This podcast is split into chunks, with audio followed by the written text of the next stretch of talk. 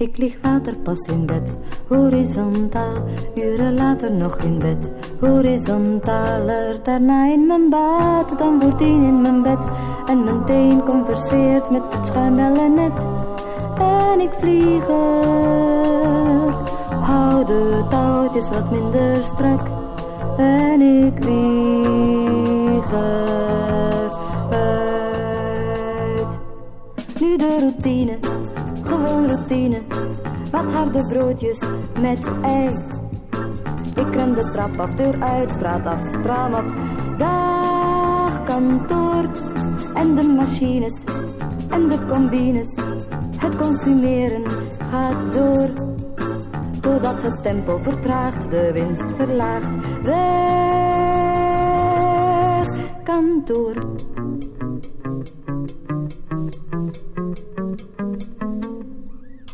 Kleed speels en traag in bad, horizontaal. Uren later nog in bad, horizontaler. Daarna in mijn bed, dan voordien in mijn bad. En mijn huid converseert met de bloemenlakenset. En ik vlieg er, hou de touwtjes wat minder strak.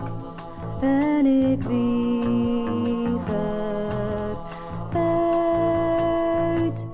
Luc Bonneux hier, Radio Centraal. Ik heb u uitgenodigd in deze vijfdelige interviewreeks, waar ik verschillende experten aan het woord laat. Mijn eerste vraag voor u is: hoe is het voor u om plots in een wereld te leven waar iedereen een soort van hobby-viroloog is geworden en hobby-epidemioloog? We spreken allemaal met de, termen die dat u natuurlijk uh, echt kent. Goh, als dokter ben je daar natuurlijk wel gewoon. Hè? Iedereen heeft ook altijd ideeën over gezondheid. Hè? Uh, die kloppen ook niet altijd, of, of, of, of zelfs zelden. Uh, zoals ik er net zei, ik ben het eigenlijk wel lollig dat er uh, plotseling ontdekt wordt dat er zoiets bestaat als epidemioloog. ik zei vroeger in Vlaanderen, kon men dat woord niet spellen, want dat was veel te lang. er zaten veel te veel klinkers achterheen. Um, dus deels is dat, vind ik dat wel prettig. Deels is natuurlijk ook, eh, kijk, ik, denk dat ik een van de weinigen ben die echt goed opgeleid zijn uh, in de epidemiologie. Ik denk dat heel veel mensen zich ook epidemioloog, wel officieel epidemioloog noemen, die er eigenlijk niet zo heel veel van afweten. Uh, dus dat, dat vind ik soms irritanter. Uh, want het is niet omdat je viroloog bent dat je bijvoorbeeld epidemioloog bent. Um, en dan ben ik misschien ook wel een beetje een apart uh, hierin, dat ik mij eigenlijk zelden met aparte ziekten heb bezig gehouden, maar meer met algemene gezondheid en vooral ook met gezondheidsbeleid. Um, van hoe doe je, wat doe je. En dan uh, later toch, uh, sinds de jaren tachtig is dat opgekomen. Ik ben er ook een van de mensen ben, zijn geweest die daaraan hebben meegeholpen. De, de evidence-based medicine, hè, waar dat je geneeskunde meer en meer gaat baseren op waargenomen en waarneembare feiten dan op theorieën, ideeën, hypothesen en weet ik veel wat allemaal. Ja, dat is wel um, treffend dat u dat nu aanhaalt, omdat we toch wel meemaken dat er juist heel veel hypothesen passeren en dat het beleid zich ook maar moet baseren op die, die toch veel uh, gespeculeer. Um, ja, dat, dat valt toch in elk geval wel op. Um, ik heb ook net uw, boek gelezen, uh, En ze leven nog lang en gezond. Ik haal daar een paar uh, termen uit, bijvoorbeeld um, sterk aan het bedrijfsleven gelieerde virologen, een nieuwe tactiek in de medische industrie, marketing by experts. De universiteit is een bedrijf dat lucratieve adviezen produceert om meer onderzoeksgeld binnen te halen. um, het, uh, in het laatste nieuws was onder, onlangs ook een uh, artikel over de oorlogen tussen de, de laboratoria. Um, hoe moeten we vandaag die, die belangenvermengeling die u eigenlijk heeft geanalyseerd over de laatste decennia met de vorige epidemieën, hoe moeten we dat vandaag zien? Vandaag is het veel ingewikkelder natuurlijk. Hè. Dat, dat was in de tijd vooral natuurlijk met uh, vooral de Mexicaanse griepcrisis Wat ik nog altijd eigenlijk een van de grootste tragedies van deze eeuw vind. Uh, voornamelijk een tragedie omdat het is gebeurd en ten tweede omdat we er niks mee gedaan hebben. De Wereldgezondheidsorganisatie heeft dat toen allemaal maar gauw gauw de doofpot ingeduwd. Want zeker de Engelsen, de British Medical Association met de British Medical Journal, waren daar vrij diep ingedoken om die verstrengelingen tussen deskundigen en de industrie in de Wereldgezondheidsorganisatie boven water te krijgen. Um, en daar is allemaal niks mee gebeurd. Hè. De, de, de, de, Wereldgezondheidsorganisatie deed gewoon of dat niet bestond. Uh, ook natuurlijk de, het beleid uiteindelijk ook. Hè. Uh, ook de virologen. Hè. Ik, ik, ik, ik kan echt heel goed overweg met Mark van Ranst. Maar dat hij daar hij heeft nooit gezegd van hoe erg zijn wij fout geweest. We zijn mensen gaan vaccineren op een moment dat we wisten dat dat virus volstrekt goedaardig was. Ik zou bijna zeggen de goedaardigste griep in mensenheugen is. Dan zijn we gaan vaccineren met een experimenteel vaccin. Want er wordt nu wel veel gesproken over de huidige COVID-19-vaccins, maar die zijn geweldig goed getest vergeleken met het Mexicaans griepvaccin, dat eigenlijk volledig experimenteel was, volledig ongetest en volledig overbodig. En ja, ik vind dat nog altijd verschrikkelijk. Ik kan mij er nog altijd in opwinden. En verder, ja, ik heb natuurlijk een lange traditie in, ja, ik zou zeggen dwars liggen, maar op dit gebied vind ik het eigenlijk recht liggen. ik denk aan borstkankerscreening. Uh, uh, ik ben ooit eigenlijk uit Rotterdam gegaan, omdat die afdeling heel veel geld verdiende aan borstkankerscreening. En er was zelfs geen twijfel over dat ik gelijk had. Hè? bedoel, over de feiten moeten we het eens worden. En dan bedoelt u, want misschien is niet iedereen ja, op de hoogte. Ja, nou ja, dat is natuurlijk een heel, dat wordt wel plotseling heel ingewikkeld, maar de meeste mensen denken dat borstkankerscreening een groot goed is. Ja. Um, maar helaas tonen de cijfers anders. We weten nog ineens of het werkt. Als het werkt, zal het niet goed werken. Hm. Het veroorzaakt heel veel overdiagnose. Ja, omdat alle kankers, alle grote kankers zijn ooit klein geweest, maar alle kleine kankers worden daarom niet groot. Heel simpel gezegd. Dus hoe vroeger dat je in het proces gaat zitten, kanker is een evolutionair proces, dat gaat met vallen en opstaan. Uh, en uiteindelijk de kanker die je gaat inmaken, die heeft een heleboel mutaties verworven uh, om dat te kunnen. Hoe vroeger dat je daar bent, hoe minder zeker dat je bent over al die mutaties. En hoe meer van die tumoren je gaat vinden die nooit groeien, die gaan verdwijnen of weet ik veel wat. Dus samengevat kunnen we zeggen dat uh, overmatig screenen ook overmatig en onnodige kankers opspoort en dus eigenlijk voor een groot stuk overbodig is. En u vond daar geen steun in, in, uh, in Rotterdam? Nee, nee, ik werd gewoon... Ik, ik, ik, ik schreef daarover. In, uh, ik, ik schrijf al heel lang columns en wetenschapsstukken voor de...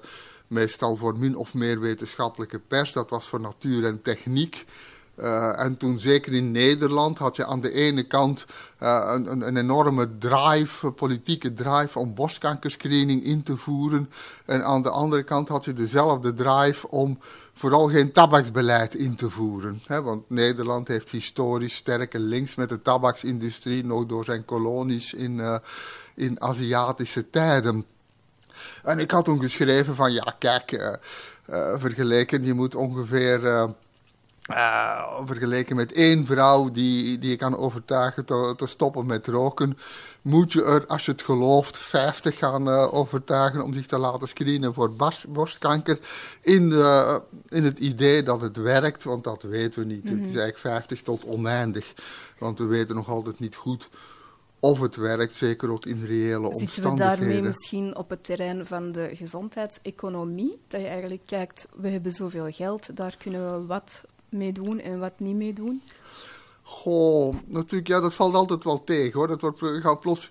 Inderdaad, ik heb me altijd bewogen op de scheidslijnen tussen epidemiologie, ethiek en economie. Uh, dat is ook altijd mijn roeping geweest. Uh, met een van de nare gevolgen dat ik altijd tussen wal en, tussen, tussen wal en schip viel. Want dan, uh, de economen waren er altijd roerend over eens dat mijn onderzoek medisch was. En de artsen waren er altijd roerend over eens dat mijn onderzoek maatschappelijk was. Uh, zodat ik daar geen geld voor kreeg. Um, een van de redenen natuurlijk dat ik ook ben weggegaan uit de universiteit, want ik wilde niet lang de, lang de industrie gaan. Uh, en ja, de staat had relatief steeds minder geld, omdat er natuurlijk steeds meer competitie was in dat vakgebied. Uh, en op de duur had ik het dan wel bekeken. Um, wat was weer de, de oorspronkelijke vraag?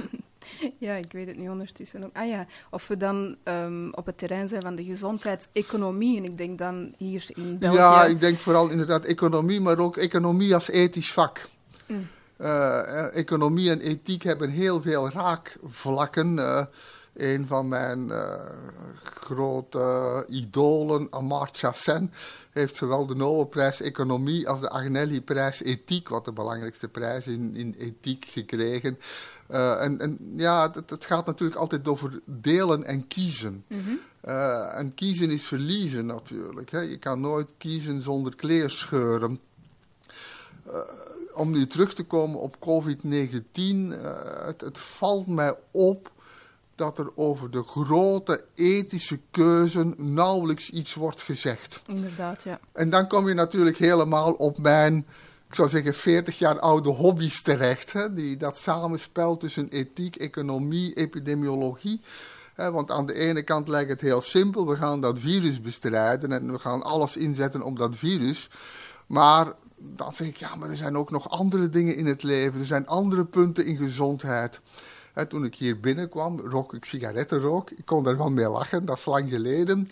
Maar dan bedacht ik van, kijk, iedere roker op dit moment loopt ongeveer, los van indien hij niet in covid-tijden zou leven, hetzelfde risico om dit jaar te overlijden dan iedere niet-roker in covid-tijden omdat roken verdubbelt ongeveer de sterfte, alleen niet één jaar, maar alle jaren van het verdere leven.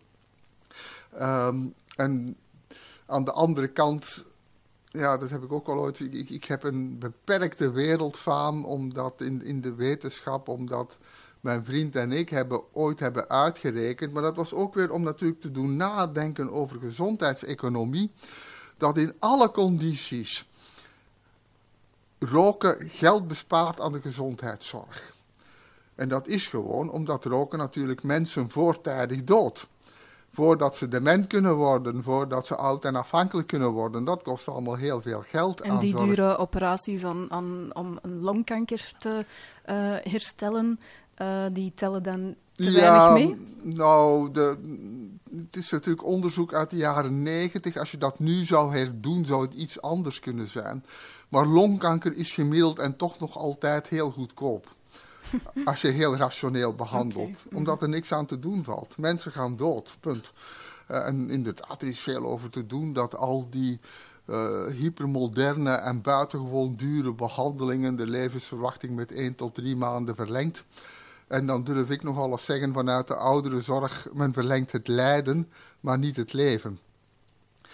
Uh, dus nee, dat was het punt natuurlijk dat roken vooral heel goedkoop uh, doden veroorzaakte door longkanker, door andere terminaal oorzaken van onbehandelbare kanker en vooral ook door hartziekten, hè, hartinfarcten en, uh, en, en, en acute hartdood. Dat kost niks. En ik, ik veronderstel als je zoiets uh, zegt of beweert dat je dan sowieso weer het label dwarsdenker krijgt. Um, ik moet zeggen dat de reactie daarop was heel gemengd. Want deels wisten ze dat we gelijk hadden.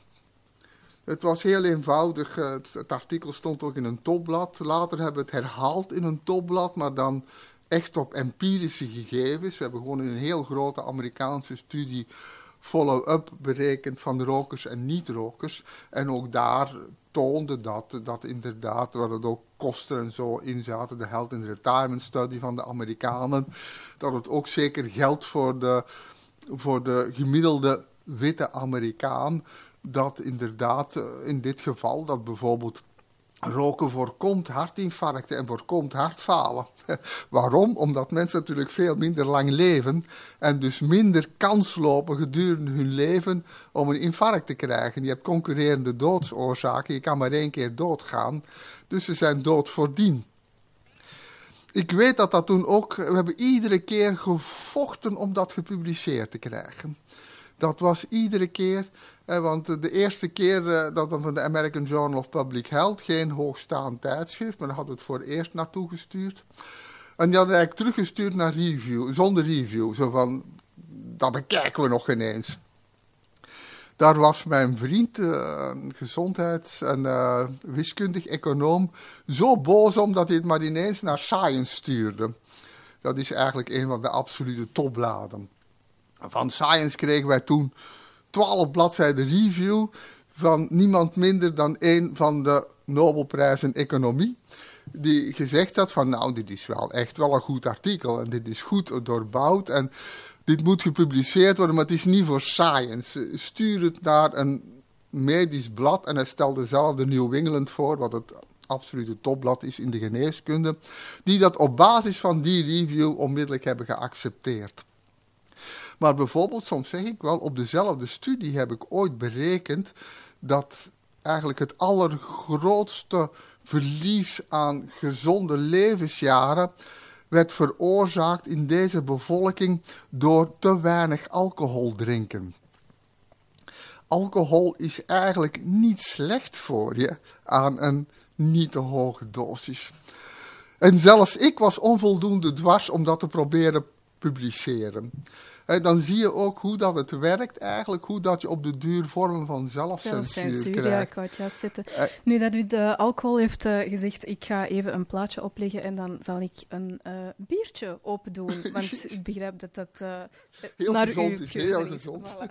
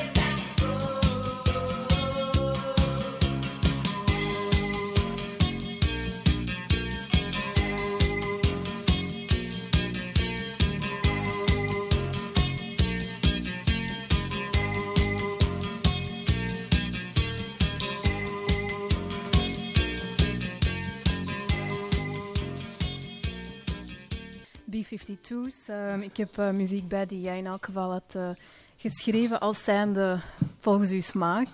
ja. Uh, jaren 60 en 70 vooral. Ja, ja. Um, verder bouwend op gezondheidseconomie. Ja, hier in België heeft gezondheidseconoom Lieven Annemans geprobeerd om het ethische uh, in het debat te gooien. Dat is um, niet echt in dank uh, afgenomen geweest, um, maar het was wel een poging om. Uh, heb je daar iets over te zeggen over hoe dat gebeurd is?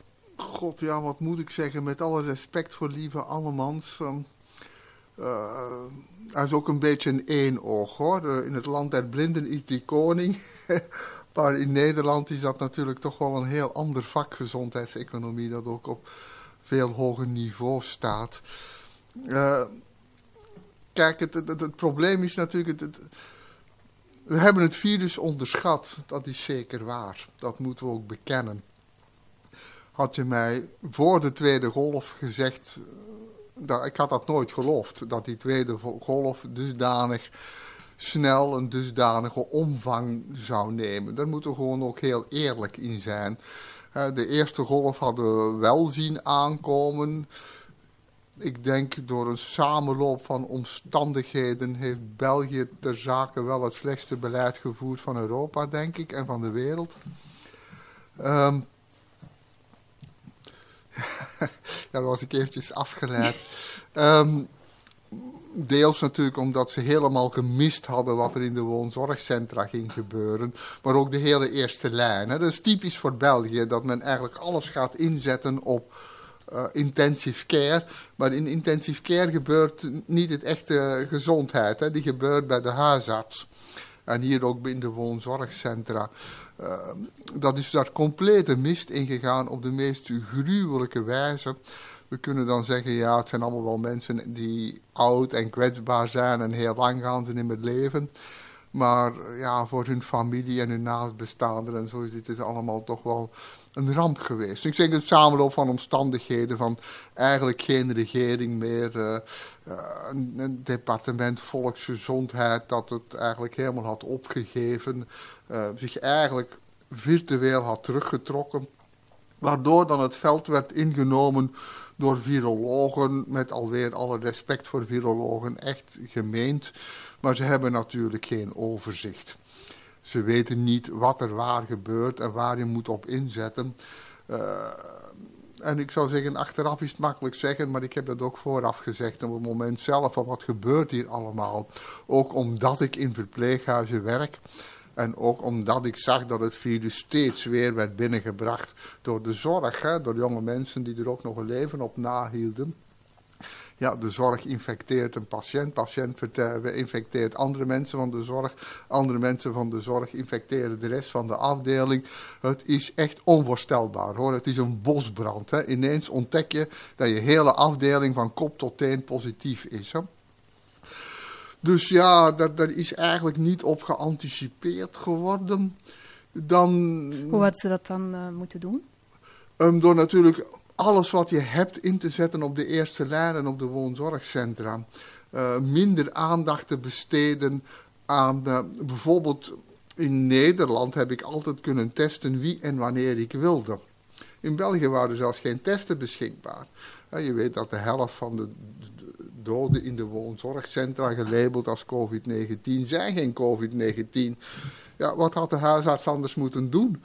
Die had geen testen. Die, ja, die kon alleen maar zijn natte vinger in de lucht steken. En dan zit je bij een ja, ernstig viraal syndroom. En dan denk je, ja, het zal wel COVID-19 zijn. Maar bij die zeer kwetsbare mensen, bijvoorbeeld in Nederland, heb ik mij er steeds tegen verzet dat mensen die niet getest werden COVID-19 werden gedoopt. Want ik zei, ja, er zijn zoveel longontstekingen die op COVID-19 lijken, dan weet je eigenlijk niet wat er gebeurt. En dat is ook gebeurd in België, natuurlijk veel te veel doden. Maar deels gaf dat niet aanzet om na te denken, wie dat je misschien preventief had kunnen testen, was het zorgpersoneel. Maar dat je zeker voor had moeten zorgen dat al het schaarse beschermende materiaal dat er was, dat dat in de woonzorgcentra kwam. Ik had vanaf dag één uh, voor mij en mijn personeel handschoenen, jassen, maskers, uh, mutsjes, de hele bazaar. In België hadden ze niks. Bovendien had ik ook mensen artsen die opgeleid waren in infectieziektebestrijding. Misschien even ter informatie voor de luisteraar die u minder uh, goed kent. Dus u bent arts in een woonzorgcentrum. In, ja, in een uh, verpleeghuis eigenlijk. Hè. Dat is eigenlijk... Okay, in Nederland. Ja, zwaar zorgbehoevende mensen ofwel dementerend, ofwel door fysieke aandoeningen, uh, beroerte, Parkinson, Huntington, al dit soort afschuwelijke aandoeningen. Uh. En u heeft het dus wel kunnen uitzitten tot na de tweede golf? Ja, we hebben het eigenlijk tot bij de eerste golf deels omdat ik, uh, ja, ik werk in Terneuzen, dat is Zeeuws-Vlaanderen. Ik noem dat soms een beetje het Siberië van Nederland. Dat is eigenlijk nauwelijks te bereiken, hè, want je moet ofwel via dure toltunnels gaan, ofwel omrijden langs Antwerpen. En je weet ook wat dat betekent, uh, de Kennedy-tunnel. Um, wat betekent, ja, dat, het, is, het, is, echt wat geïsoleerd. Uh, daarom blijf ik ook werken een beetje, omdat ze gewoon geen dokters vinden. Um, dat maakt het net die geïsoleerde positie, en dan is de neuzen wel een haven, maar toch ook eigenlijk wel een vrij belangrijke haven. Maar ik denk de eigenlijke menselijke activiteit op die haven blijft toch vrij beperkt, denk ik. Waardoor dat er eigenlijk de eerste golf bij ons heel weinig gebeurd is want ik, ik, kon er dan wel mee lachen. Hè. Dat hele ziekenhuis dat was helemaal afgericht op grote aantallen covid-patiënten. Waar dan twee mensen lagen. Hè. Door de gangen die klonken hol door de echo. Daar was gewoon niemand. Uh, daarentegen hebben we het dan in de tweede golf, maar toen zag ik ook al wel de afdelingen waar dat we problemen hadden, kwam het altijd binnen langs de zorg. En we hadden natuurlijk ook afdelingen buiten Zeeuws-Vlaanderen. En dat was altijd hetzelfde verhaal, het komt binnen langs de zorg. Dat is ook bewezen in België, want ik heb dat toen eens gezegd op, ik geloof het enige televisieprogramma dat lang genoeg heeft aangedrongen om mij uit te nodigen, want ik had eigenlijk helemaal geen zin om de Talking Head te gaan spelen. Um, maar toen heb ik toen gezegd en vervolgens hebben dan de christelijke mutualiteiten dat beginnen na te kijken. En inderdaad meer dan 9 op 10 infecties begonnen met bij iemand van de zorg. Of dat nu nog zo is, weet ik niet hoor. Maar dat was zeker bij de eerste golf zo. Zeg, bij de tweede golf hebben we misschien deels omdat er zo weinig gebeurd was bij ons. In de eerste golf hebben we er wel toch wel flink wat problemen gehad. Uh, en was het opletten geblazen. Maar ik zeg, we hebben wel artsen in de ouderenzorg gespecialiseerd in infectieziektebestrijding, in woonzorgcentra en verpleeghuizen. En ja, ik kan alleen maar zeggen, ze hebben het al het goede gedaan. Eh, ze hebben alles gedaan wat moest gebeuren. En eigenlijk werden die infecties bij ons zeer efficiënt bestreden. Die afdelingen werden gecohorteerd. We hebben vrij veel verpleging die vaak uit operatiezalen komen, maar het wat rustiger aan willen doen. Dat zijn mensen die heel goed zijn opgeleid in uh, ja, hoe moet je daarmee omgaan. Uh, en uh, ja, onze afdelingen werden eigenlijk toch goed beschermd. we hebben uitbraken gehad, maar die uitbraken bleef iedere keer beperkt tot één afdeling binnen een verpleeghuis. Dat liep nooit over. En dat was toch deels door goed beleid, denk ik. Hoor. En dus dat, had u, dat hebben we hier in België dan uh, de bal misgeslagen. Ja, er is, ik denk eigenlijk...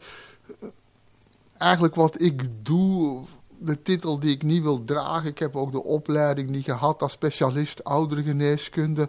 Ik heb altijd gezegd, ik wil mij niet specialiseren. Uh, ik wil uh, een mannetje van alles blijven. Uh, maar ik zeg eigenlijk, een specialist oudergeneeskunde is alles behalve een specialist. dat is een huisarts voor oude mensen. Oude zorgbehoevende mensen. Um, en dat, dat, dat, kennen wij niet in België. Ik, ik, ik wil geen ik, mijn ouders zijn heel goed en schoonouders zijn heel goed verzorgd door hele goede huisartsen. Maar het is toch een heel andere verhouding. Hier is de huisarts een beetje een uitgenodigde in dat woonzorgcentrum. Ik heb niet de indruk dat die mens daar veel te vertellen heeft. Van mijn schaarse botsingen met het Belgische systeem, denk ik ook dat hij niks te vertellen heeft. Terwijl in mijn verpleeghuis, ik ben natuurlijk niet alleen de baas, maar ik ben wel een baas. En als ik zeg het zal zo gebeuren, dan zal het zo gebeuren. en dan kunnen we daar hartelijk ruzie over maken, maar op tijd en stond zeg ik van het is zo en het zal niet anders zijn. En wie heeft hier dan het laatste woord? Eh, vaak de zorg, hè. vaak de managers, de hoofdverpleging. Natuurlijk door de aard der zaken, wij hebben natuurlijk een, een, een veel stabielere band ook met onze bewoners. Omdat we echt ook hun huisdokters, we zijn zowel huisdokter als dokter die moet waken over de kwaliteit van zorg. Mm en natuurlijk, ik zeg altijd, ja, wij zijn een team. Hè? Want ik, ik, doe niet alsof ik de baas ben, maar dat is helemaal niet waar. Wij zijn een team. Maar in dat team weeg ik wel zwaar. Kan ik wel dingen zeggen zoals ze moeten gebeuren. En ook zo, zoals ik zeg, die artsen infectieziektebestrijding in verpleeghuizen. Ja, die, die komen echt binnen hè? En, en, en die leggen richtlijnen op en die richtlijnen die worden ook gevolgd. En daar waak ik ook over. Ik zeg, of ik het daar nu eens ben of niet mee eens ben, hoor. Ik zeg altijd, als er een richtlijn komt en die richtlijn is van het bedrijf, dan volgen wij die richtlijn, want anders is de boot aan. dan gaan we iedereen, eh, dus er is gewoon ook eenheid van commando. En natuurlijk in dit soort dingen staat Nederland veel verder dan wij. En het had mij erg, ik denk dat had België kunnen zeggen van kijk, we maken gemene zaak met Nederland. Het Rijksinstituut voor Volksgezondheid en Milieuhygiëne, waar ik een heel lange ruzie mee heb lopen hoor.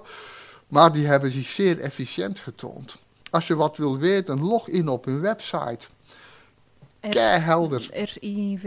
RIVM.nl. Ja. Echt heel helder.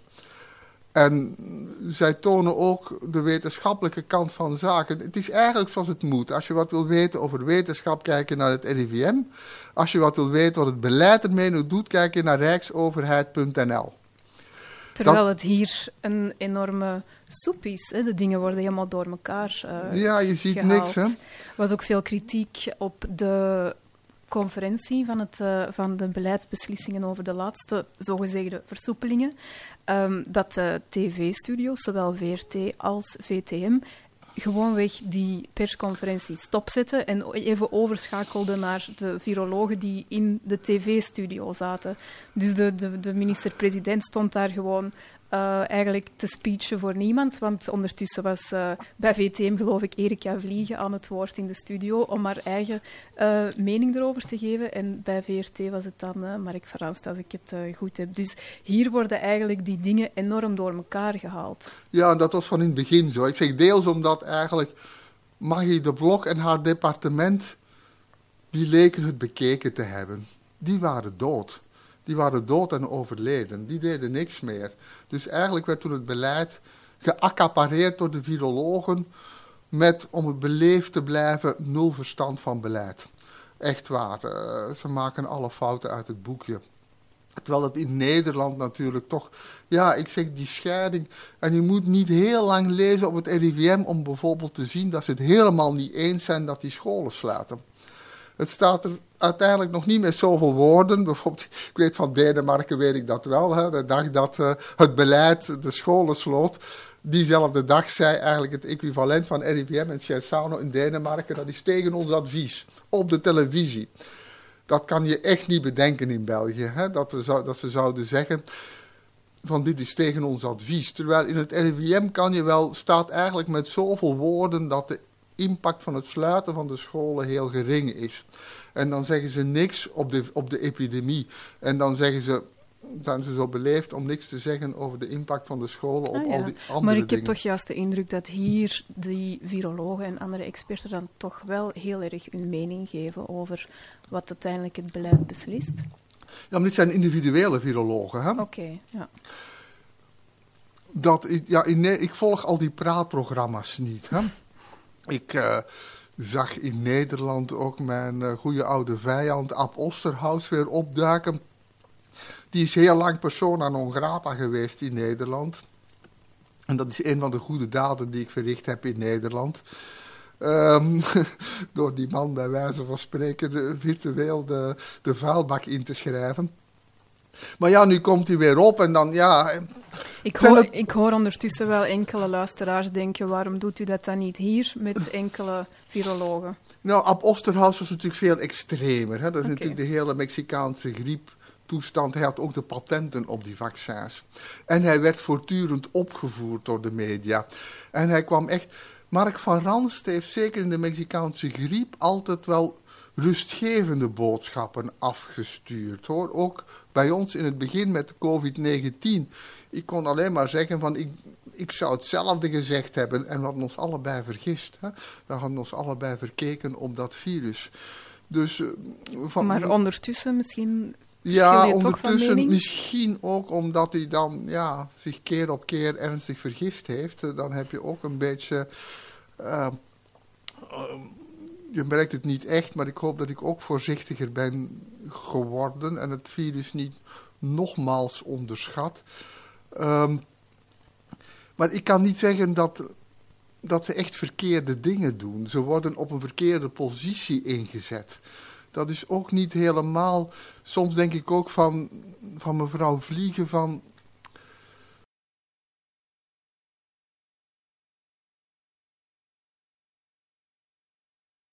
ik, ik vind het eigenlijk heel raar dat deze mensen worden opgevoerd in posities waar dat we eigenlijk wel goede mensen hebben hoor, maar die zitten allemaal op tropisch instituut. Ja, dat zijn natuurlijk mensen die gewend zijn om epidemieën te bestrijden. Want dan ga ik toch even mevrouw Vliegen verdedigen. Ik denk dat dan altijd bij Steven van Gucht bijvoorbeeld. Dan denk ik, jongen, zwijg. ah nee, ik vind Steven van Gucht net wel goed. En Steven van Gucht is natuurlijk uiteindelijk Sensano. Hè? Die, die vertegenwoordigt de stem van, het officieel, van de officiële wetenschap.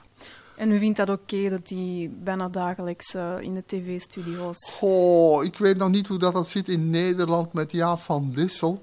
Uh, dat is dan zo'n beetje de, de Nederlandse Mark van Rans. Ik zeg, ik volg het onvoldoende. Mm um, wat ik lees van Jaap van Dissel is toch dat hij inderdaad toch al continu ook afremt.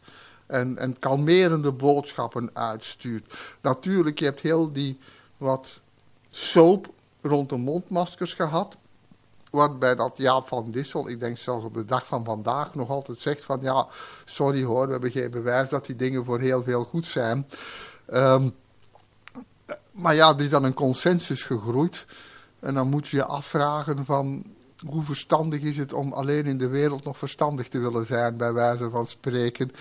Um, maar ik, ik, ik, ik, meestal hoor ik van Van Gucht net kalme, situerende commentaar van wat zien we. Terwijl de anderen, hè, ik denk ook uh, Mark van Rans, die toch de afgelopen maanden al maanden de derde golf voorspelt. Mhm. En als ik dan zeg van ja, in mei is het voorbij, dus ja, we kunnen niks voorspellen. Ja, nee, maar je kan wel blijkbaar dagelijks voorspellen dat eindelijk de derde golf gaat aankomen. En als die enigszins voorzienbaar aankomt na een winterprik, je eigenlijk een beetje kan verwachten met dit soort virussen, dan, ja, dan, dan blijkt het toch maar een kabbeling te zijn. Mhm. En uh, ik zelf vind het huidige beleid inderdaad veel te voorzichtig. En dat is omdat wij niet nadenken over risico's omdat wij niet. Er is geen probleemanalyse. Ik heb nooit een probleemanalyse gelezen. We gaan maar blind vooruit. Er is geen probleemanalyse, er is geen risicoanalyse. Uh, ik denk bijvoorbeeld, wat zou het risico zijn om de terrassen open te verklaren? Dat is zeer gering. Dat is niet nul, maar het is wel gering. En dan moet je ook bedenken van als het een beetje mooi weer wordt, wat betekent dat voor een stad, voor mensen, voor bevolking, dat ze eigenlijk niet alleen kunnen wandelen, stond weer een geniale cartoon van Eva Bouton in, in de Standaard Weekblad hierover. Dat we inderdaad niet alleen kunnen wandelen, maar dat we ook inderdaad een biertje kunnen gaan drinken. En misschien, ja, dat is natuurlijk altijd het probleem, dat je dan misschien wel naar het toilet moet gaan. Um, en als je dat met velen doet en zo. Maar dat risico is toch klein. En ik zie eigenlijk weinig risicoanalyse. En je hebt eigenlijk altijd de indruk. En dat is natuurlijk als beleids, als politicus is het natuurlijk heel verleidelijk om heel streng te zijn. Om alle risico's uit te sluiten. Dat vind ik soms wel goed aan Mark Rutte van Nederland. Die durft dat echt wel zeggen. Die durft echt zeggen van kijk, we, houden het niet meer. We nemen een risico.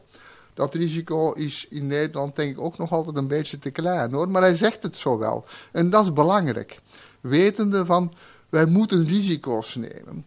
Ik zie eigenlijk geen enkele reden waarom dat we niet zouden kunnen zeggen van kijk, we moeten nog heel even afwachten, want we weten niet wat de ziekenhuisopnames gaan doen.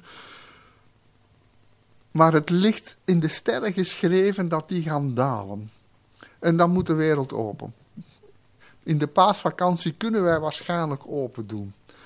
Maar ik zeg altijd, ja, we moeten met twee woorden spreken, want we kennen het virus niet. We weten niet goed hoe dat die varianten zich gaan gedragen.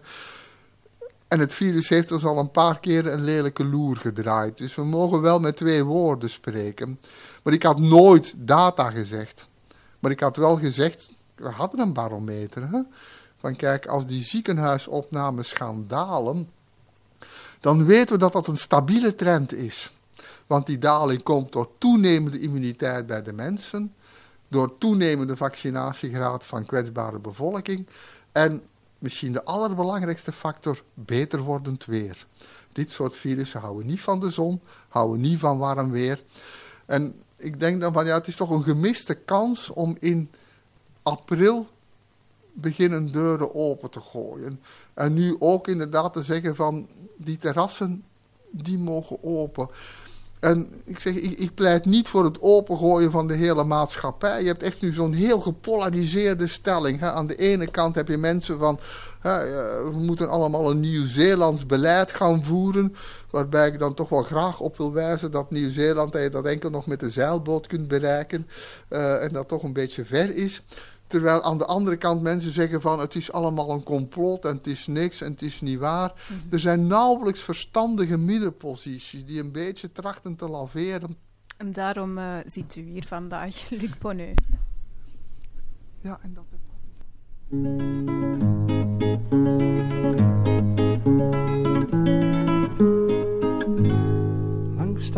Venus, ze lopen, de dames heren van de hoge kring.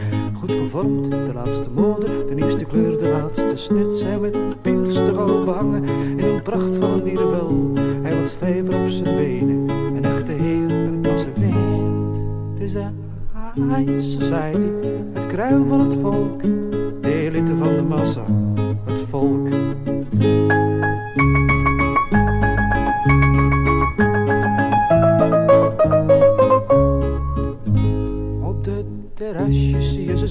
Dames heren van de hoge kring. Waar zijn fijne likeurtjes snippen zich nog wat en het scheurtje gin. Zij spreekt stijlvol over Sartre, of over Wien, of Paris. Hij droomt van zijn nieuwe wagen, of van een andere griet. Het is de high society, het kruim van het volk.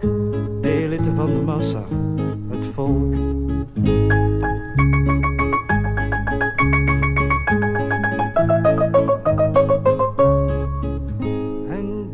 S'avonds een privéclub voor dames heren van de hoge kring. Verloopt alles stijf en deftig tot het wilde feest begint. Dan spreidt zij haar mooie benen, lacht haar lekkere tanden bloot. Hij vertelt zijn vieze mopjes en iedereen lacht zich dood. Ze lachen met de mooiste dingen, ze lachen wild, ze lachen vreed. Met hun eigen dwaze koppen, met alle mensen leed. Met hun goed gevulde buiken, met een goed gevormd gezicht. Met hun afgestompte hersens, met hun adellijke plicht. Ze lachen met de mooiste dingen, ze lachen wild, ze lachen vreed. Ze lachen met de kleine mensen, met de simpele van geest. Ze lachen met de mooiste dingen, ze lachen wild, ze lachen breed. Maar ze zijn geen kruimel beter, alleen wat chiquer als de rest. Wat meer cultuur, wat mooier kleren. En voor de rest is de society het kruim van het volk. De elite van de massa, het volk.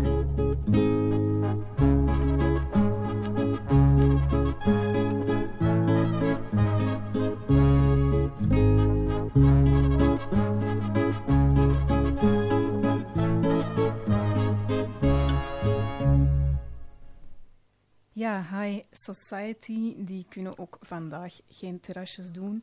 Um, de Standaard, daar uh, had jij een uh, opinie gepubliceerd met de kritiek dat het beleid enkel door en voor blanke mannen werd uitgestippeld.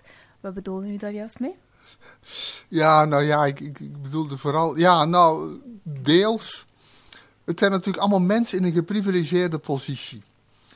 Uh, ik heb dat nou net inderdaad nog wat verder aangescherpt. Met, uh, omdat ik dacht tegen de versoepelbrigade wil ik toch ook wel laten zien dat de anderen hun morele superioriteit ook maar flinterdun is. Waarom dat ik ze wel lockdown-fascisten mag noemen. Dat ik dat nu niet van dat woord fascist hou, dat is echt nog een scheldwoord vanuit mijn jeugd. Daar heb ik er maar lockdown-knuffelaar van gemaakt. Um, maar dat, dat zijn mensen natuurlijk die, die, die kunnen goed van thuis uit werken. Uh, die hebben geen kinderen, of geen afhankelijke, geen jonge kinderen. Uh, die hebben een goed betaalde job.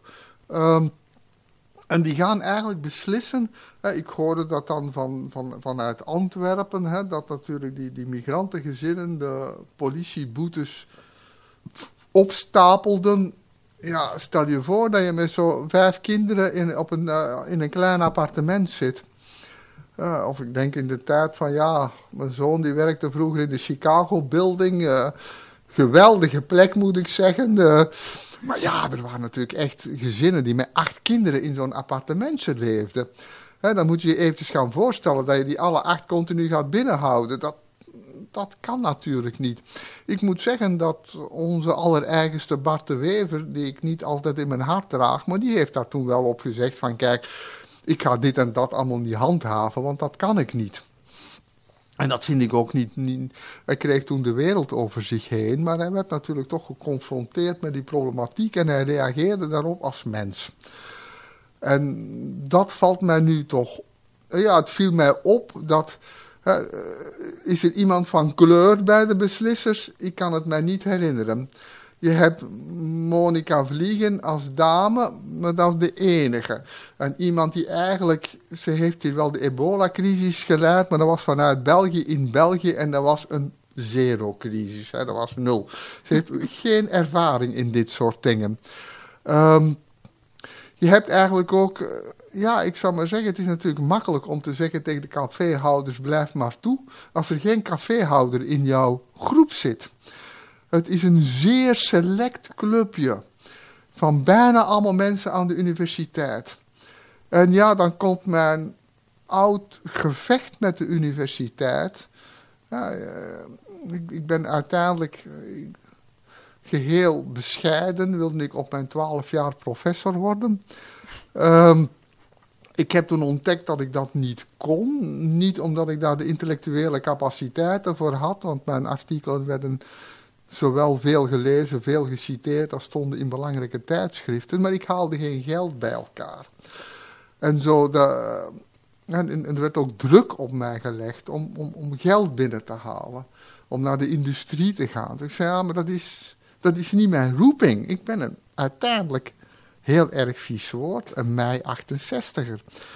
Die, die idealen zitten in mijn genen kan dat niet en ik wil dat niet.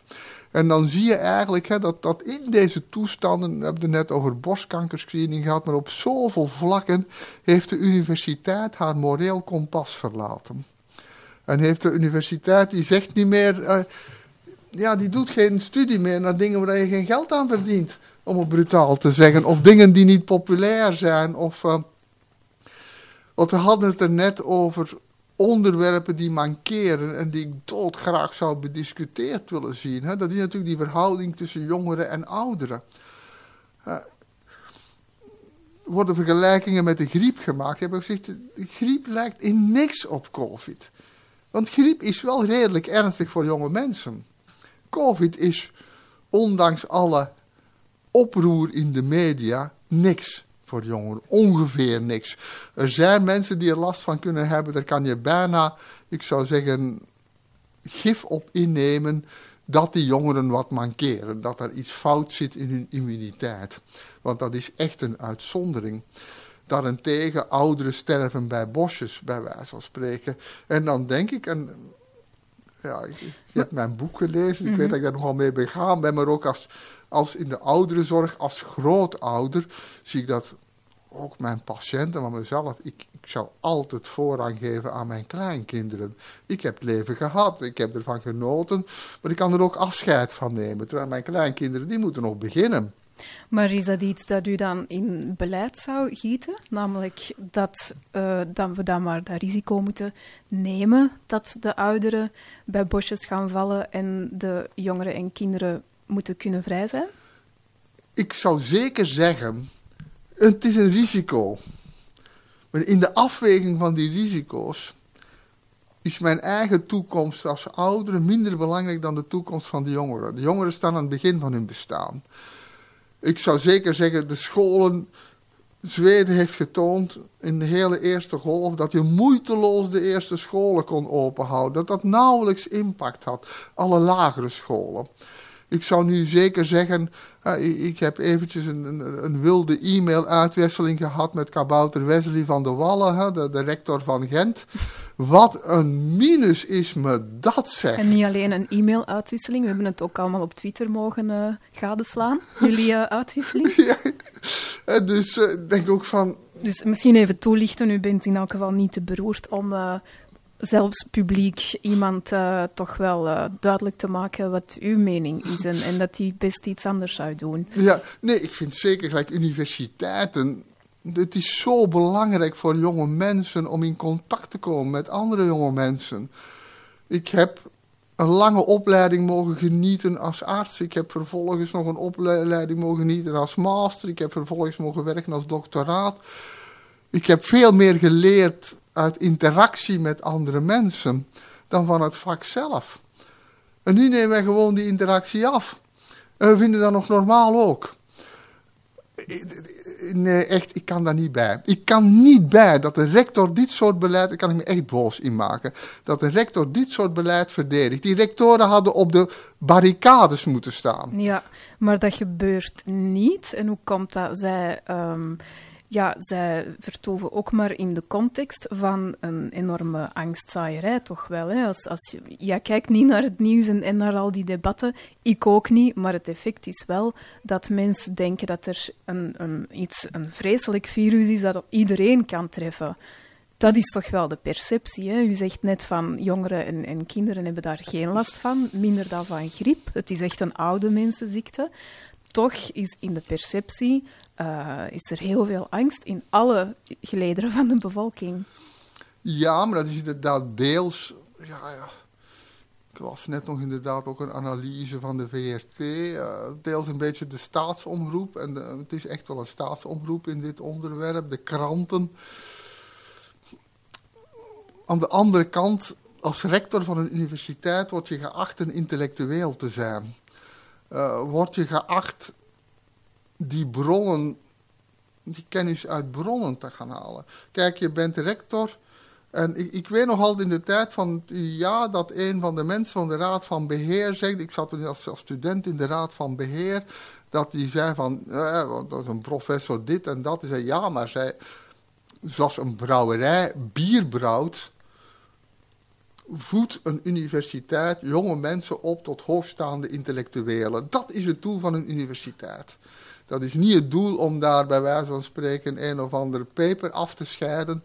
Dat is het doel om te leren nadenken over de wereld. Daarvoor, dat is ook de, zit ook in de naam universiteit, hè? universitas. Um, en, en, dus kijk, dat, dat COVID-19 een oude mensenziekte is, dat is beschreven in januari op basis van de Chinese data.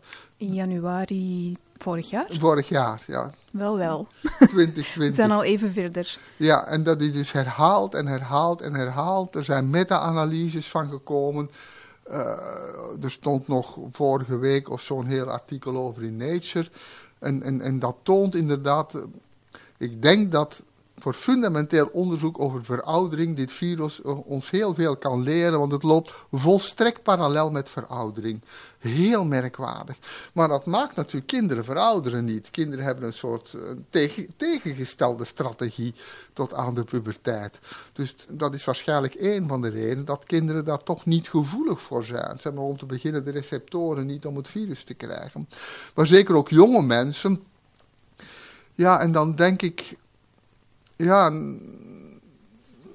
ik moet eerlijk zeggen dat ik toch wel heel even de, de wereld niet meer begreep, hoor. En de maatschappij niet meer begreep. Ik, vooral die zeven kinderen, hè, die dan 14 jaar normaal... In de geneeskunde word je jonger vanaf je 15. Hè. Een 14-jarige beschouwen we toch nog als een kind. Dat die werden opgesloten, dat die straffen kregen van de jeugdrechter. En dat het allemaal kon. En dat de minister van Justitie. Nou, ik word steeds eenzamer en gehandicapter in mijn politieke keuze. Want ik denk, ik ben van, van oudsher progressief, links. Maar ik zie dan eigenlijk, ik zie eigenlijk alleen maar rechtse partijen nu nog een iets of wat redelijk beleid verdedigen. Ik, en denk, vooral... dat, ik denk dat heel veel luisteraars uw, uh, uw uh, ja, ervaring delen. Hm. Absoluut. En, dus, en, en, en, en inderdaad, ik kijk, ik, kijk nu echt met wanhoop van naar de komende verkiezingen, die toch vroeg of laat moeten. Moet ik dan echt voor mensen kiezen die dit soort dingen hebben goedgepraat? En die eigenlijk een soort terreur tegen jongeren, want er komt het toch op neer. Als je dat allemaal ziet, dan denk ik ook mijn eigen kinderen, die door hun ouders toch wel lichtjes anarchistisch zijn opgevoed. ja, die hebben schrik van boetes. Hè? Die doen een heleboel dingen niet, omdat, omdat ze bang zijn. Ik denk, ze zijn... Mijn kinderen zijn stuk voor stuk banger van boetes en de politie dan van het virus. Vinden wij dit normaal? Is dit echt het nieuwe normaal? Nee. En ik denk inderdaad, dit soort analyse, ik denk vooral inderdaad die botsende belangen tussen jongeren en ouderen daar kunnen jullie toch een fantastische hoeveelheid interessante praatprogramma's over gaan maken. Eh, waar dat je ook zegt, maar ik zou zeker ook als grootouder altijd gekozen hebben om de jongeren te beschermen. En om hen zoveel mogelijk een normaal leven te laten leiden. Ik denk ook aan jeugdbewegingen. Uh, als je nu ziet hoe moeilijk dat de jeugdbeweging het maakt. Ik zeg altijd, ik ben tot mijn twaalf opgevoed door mijn ouders en vanaf mijn twaalf door de jeugdbeweging. Die heeft toch echt gemaakt wie dat ik ben. Um, dit, dit, dit, en, en dat is altijd weer, ik zeg, die interactie met anderen. Het is die die je vormt. En wij nemen zomaar jongeren een jaar van hun leven af. We hebben ook het omgekeerde, in de omgekeerde richting, dat de ouderen geïsoleerd worden, vooral dan in de woonzorgcentra. Um, ze hebben geen keuze, dus dat wordt mm. voor hen beslist. Wat, wat vind je daarvan? Ja, daar heb ik ook al ooit over geschreven natuurlijk. Is sowieso is natuurlijk alles wat in onze jeugd, in onze woonzorgcentra gebeurde, van een schreeuwend amateurisme. Dat waren mensen die echt niet wisten waar ze mee bezig waren. En, en, en, en ik ken die strijd met managers. En natuurlijk, de manager die wil het allemaal zo veilig mogelijk houden. En die wil vooral niet verantwoordelijk gehouden worden voor eender wat. Als ik maar mijn verantwoordelijkheid kan afdekken. En wat je had in België, in, in Nederland, kan het toch niet alleen mensen als ik, maar ook mensen van de zorg die treden op als advocaat van de ouderen en die zeggen van dit kan je niet maken. toen ze op een gegeven moment zeiden van kijk, eh, ouderen mogen niet meer buiten komen, heb ik gezegd over mijn lijk. Ehm, je krijgt één week om het in orde te maken of je mag een andere dokter gaan zoeken. En dan gaat dat heel snel hoor. dat was zo in orde. En, wat, wat, moest er dan gebeuren dat het wel kon? Ehm, nou ja, gewoon, er waren eigenlijk uh, niet op, op gelijkvloers terrassen. Hmm. Dus we moesten gewoon die terrassen een beetje afschermen, bij wijze van spreken. En zorgen dat uh, erg demente mensen niet onmiddellijk op de loop gingen, dat je, moest, dat je ze moest gaan zoeken, bij wijze van spreken. Maar dat ging vlot. Eén keer als ik zei van, kijk, ik, ik had dat gebouw bekeken. Ik zei van, kijk, zelfs gevangenen mogen worden gelucht. Uh, dit kan gewoonweg niet. Het is ook heel erg gezond voor oude, dement, vooral demente mensen om in de buitenlicht te komen. Vooral het licht. Hè. We, we, geven fortuinen aan lichttherapie, terwijl die buiten is tien mhm. keer sterker en is helemaal dus gratis. Dus deze mensen moeten zich uh, gelukkig prijzen dat u daar uh, werkt als uh, arts. Maar ja, verder ja, maar dat had ze ook, wel gewoon echt pech. Ik, kreeg eh. onmiddellijk ook, ik ben natuurlijk niet de enige arts of verantwoordelijke. En, en, en dat werd ook onmiddellijk opgepikt. Ook de zorg zei dat. Hè. Ik, ik, ik, ik, ik trad niet alleen op. Ik heb alleen op een gegeven moment gezegd van kijk, hè, want je krijgt dan altijd een heleboel uitleg. Ik zei van ik moet die uitleg niet weten. Mensen moeten buiten kunnen, dat is uw verantwoordelijkheid, niet de mijne. Maar ik eis dat ze buiten kunnen. Of anders moet je een andere dokter zoeken, want dan, dan, pleeg, dan, dan geef ik gewoon mijn ontslag. Zelfs gevangenen mogen gelucht worden. En het uh, ontvangen van bezoek? Maar in België zou dat ja, daar heeft de arts veel minder te zeggen. Nou, dat zijn allemaal verschillende huisartsen. Ja, voor bezoek. Uh, voor ik denk, ik, ik denk weet eigenlijk... hebben onze mensen altijd bezoek mogen ontvangen hoor. Dat is nooit helemaal we hebben het altijd wel streng geregeld. Ja, hier in België is er echt een periode geweest dat het niet mocht. En er heeft dan uiteindelijk wel veel ehm, commentaar gekregen, dat is aangepast geweest. Maar de, de grond hier van de zaak is natuurlijk, hoe kan dat voor die mensen beslist worden?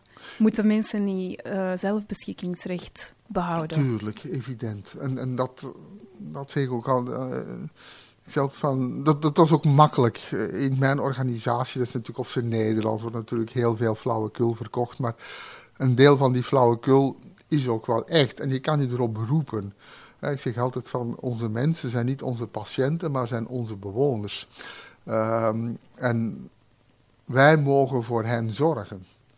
Het is niet omgekeerd, bij wijze van spreken. Zo staat het ook in de statuten. En dan kan je ook zeggen van kijk, sorry hoor, maar dit, zeggen jullie allemaal. Dit gaat niet samen.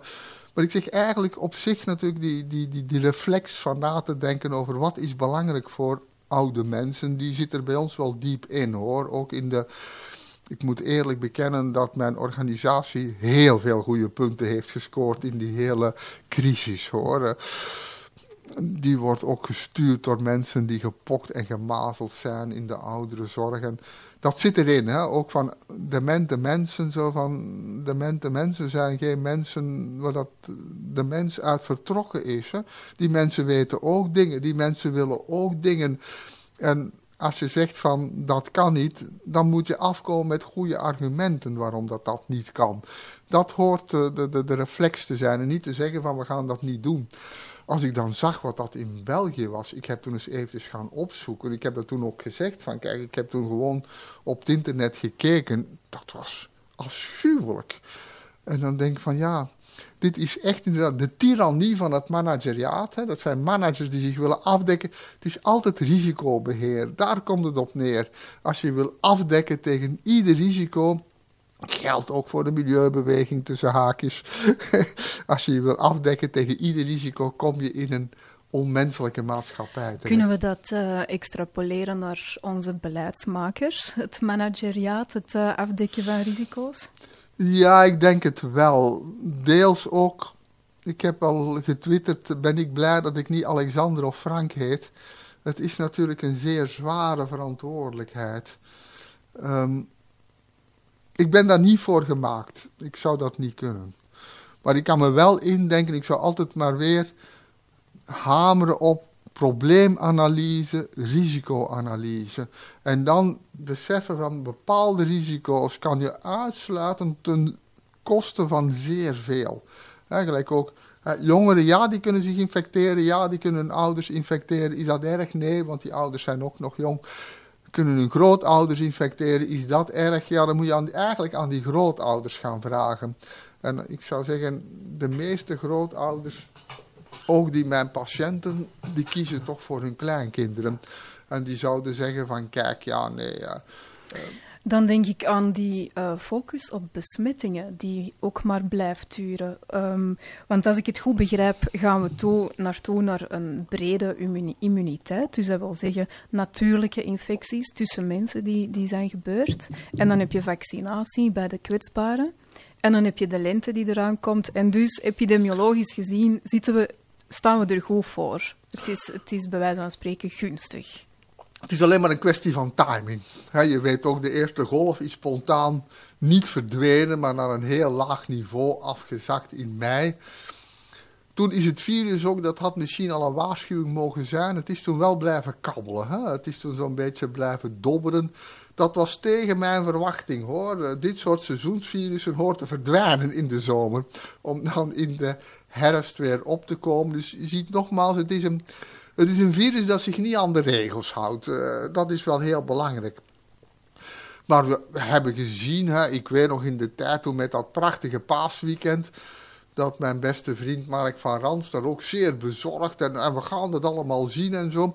Vervolgens hoor je daar niks meer van, hè, want er is helemaal niks gezien, er is helemaal hmm. niks gebeurd met dat paasweekend. Maar dan wordt het natuurlijk wel moeilijk om als beleidsmaker daar een zeker kool hoofd in te behouden als je constant doemscenario's wordt voorgeschoteld door die virologen. Ja, maar je hebt aan de ene kant natuurlijk zo'n... In België is een beleidsmaker... Kijk, in Nederland heb je natuurlijk je ambtenarij. In België heb je de kabinetten... die natuurlijk waanzinnig gehypertrofieerd zijn in België. Maar in je kabinetten hoor je mensen te, te hebben die van wanten weten. die artikelen kunnen lezen, die problemen kunnen identificeren. Ik, ik herinner mij altijd nog, ik was verantwoordelijk voor tuberculosebestrijding in Congo. Ik had een heel mooi plan opgesteld. Uh, mijn baas, de supervisor, uh, professor Mercenier, die kwam en die aanhoorde mij en die zei met een hele lieve glimlach: En wat is het probleem? Quel est le probleem? dat was ik helemaal vergeten. en en, en dat, is natuurlijk, uh, dat is natuurlijk de essentie van crisisbeheer. Dat je gaat nakijken, wat is het probleem? En ja, dan denk ik ook, ik had veel vertrouwen in Frank van den Broeke. Als, voordien heeft hij in de gezondheidszorg, pensioenstelsels getoond dat hij een heel hoog niveau haalde in analyse. Maar hij heeft hier inderdaad zijn niveau van incompetentie bereikt. Je kan niet overal competent zijn. En hij is misschien slecht geadviseerd. Uh, ik ken zijn broer goed. Ik vraag me soms af, praat hij nog met zijn broer? Want ik kan me moeilijk indenken dat Jan van den Broeke dit allemaal goed zou vinden. Misschien even zeggen wie dat is. Jan van den Broeke was een top-epidemioloog, professor van Leiden. Ik denk altijd als je vijf epidemiologen in de wereld noemde, dan was hij er wel bij geweest, denk ik. Uh, Mm. Want ik denk ook van, deels aanvankelijk begreep ik hem wel hoor. Uh, zeker als je dan naar die intensive care afdelingen gaat. Dit is niet om te lachen. Hè? Dit, is, mm, dit is heel ver van theorie. Hè? Dit is praktijk. Hè? Dus dat hele idee, waar dat ik in het begin ook wat huiverig tegen was, van we moeten toch de zorgbehoeften niet te hoog laten oplopen. Um, ja, dat, dat was toch een goed idee. Dat is belangrijk geweest dat we zeiden van kijk, we willen onze intensive care niet te vol laten lopen. En dan hebben we het nog minder over bedden dan over mensen die ervoor moeten zorgen. Hè? Want het is ook loodzwaar hoor. Het is zelfs aan het loodzware voorbij. Ik denk, al die mensen kunnen wel naar de psychiater gaan, denk ik. Want die hebben zoveel meegemaakt, zoveel gezien, met zoveel ellende geconfronteerd dan mogen we niet licht overgaan. Dus ik denk aan de ene kant, hè, toen natuurlijk België op een, ook in de tweede golf naar een heel hoog niveau ging, had ik toch ook de remmen dichtgegooid hoor, op alle mogelijke plekken. Hè, want dit konden we echt niet meer hebben. Dit is, was ook te zwaar voor onze mensen. Maar dan niet de universiteiten, scholen, of ook wel? Ja, dan wel, maar voor zes weken of zo. Hè? Niet, nu zie ik geen enkele reden waarom dat studenten niet meer contactonderwijs kunnen genieten. Mhm. en ik vind eigenlijk gelijk, ja, ik heb hem al lof toegezwaaid uh, op mijn Twitter-account, maar Ben Wijts die komt op voor de scholen. En die zegt van, ik wil die scholen open houden, ik doe er alles voor. Ja, dus als uh, oorspronkelijk links-progressieveling, uh, we horen nu al Bart de Wever passeren, Ben Wijts. Ja, nee, Wat gebeurt er? Ja, ja, nee, absoluut. En ik denk van ja, ik heb Ben Wijts ook nooit heel hoog in mijn topscoring gehad. Maar hij ging ervoor. Hè? En hij heeft echt voor die scholen blijven gaan. Hij heeft ervoor blijven liggen, want anders waren ze toe hoor. Als de scholen open zijn gebleven, mogen wij hem dat gunnen, dat hij dat heeft. En dat is zeker ook de rol die ik van de rectoren had verwacht. En dat vind ik zo erg dat die rectoren dan eigenlijk meegaan in dat discours. Niemand hindert hen om, hen om zich in te lezen in de problematiek. Het is hun taak ik zeg nogmaals, het is niet hun taak om publicaties af te scheiden, om geld binnen te halen, om papier binnen te halen. De taak van een universiteit is het opleiden van jongeren tot universele intellectuelen. Dat is de taak van een universiteit. En je zei daarnet dat zo'n rector wordt verondersteld een intellectueel te zijn die de verschillende uh, zaken kan uh, tegen elkaar afwegen en, en, analyses maken. Maar we kijken dan bijvoorbeeld naar Maarten Boudry, die toch ook een intellectueel is. Um, Joël de Keulaar, uh, die hebben dan nog een boekje geschreven, helemaal in hun, in hun angstmodus. Ehm, wat, moeten we daar, wat, gebeurt daar eigenlijk? Is dat een soort van... Um, bijna neurosen of zo? Of? Dat waren ooit vrienden van mij en ik vrees dat die vriendschap onherroepelijk beschadigd is. Um, maar dus daarom, ik, ik ga er niet veel persoonlijke dingen over zeggen. Uh, maar ze zijn natuurlijk niet alleen. Hè? Er, de, ja, ja. De, Zullen ze dan de lockdown-knuffelaars uh, noemen? Wat, uh, wat drijft hen? Ja, ja het is, het, ik, ik, vind het heel raar dat zij... zeg, ik, kan het begrijpen als je als reanimatiearts in de intensive care staat dat je dan zegt, in godsnaam, doe de kranen toe. Dat kan ik volledig begrijpen bij wijze van spreken. In hun positie zou ik dat misschien ook wel kunnen doen. Want uh, dat, dat vreet wel aan je zin voor relativeringsvermogen. Dat mensen die beter hadden kunnen weten, die vooral meer een... Ik denk eigenlijk, het is belangrijk dat mensen die nadenken over de maatschappij dat die gematigde posities innemen. Dat die posities innemen van twijfel vooral. Hè? Want kijk, alles wat wij voorspeld hebben van dit virus, daar heeft het virus mee gelachen. Hè? Naar alle kanten. Hè? Naar beide kanten. Hè? In Zweden gingen er 96.000 doden vallen. Imperial College, de leider in het mathematical modeling van infectious diseases. Ja, kom aan zeg. Uh, en dus wij kunnen niet voorspellen, maar we moeten inderdaad omgaan met die verschillende krachten. Met die, ja, nogmaals, met die verschillende risico's. En natuurlijk, ja, als je dat een. Ze zijn zeer eenzijdig naar één type analyse gezogen. En dat is eigenlijk nooit goed. En ik kan je verzekeren, hè, er stonden nu weer ik vind soms ook, ja, ik heb ook wel wat ruzie gehad met de wetenschapsjournalisten van, van de Standaard. Die ik vroeger ooit toch wel niet echt tot mijn vrienden, maar tot mijn goede kennissen hoorde. Dat is ook voorbij, vrees ik. Nadat ik hem tussen heb gehad.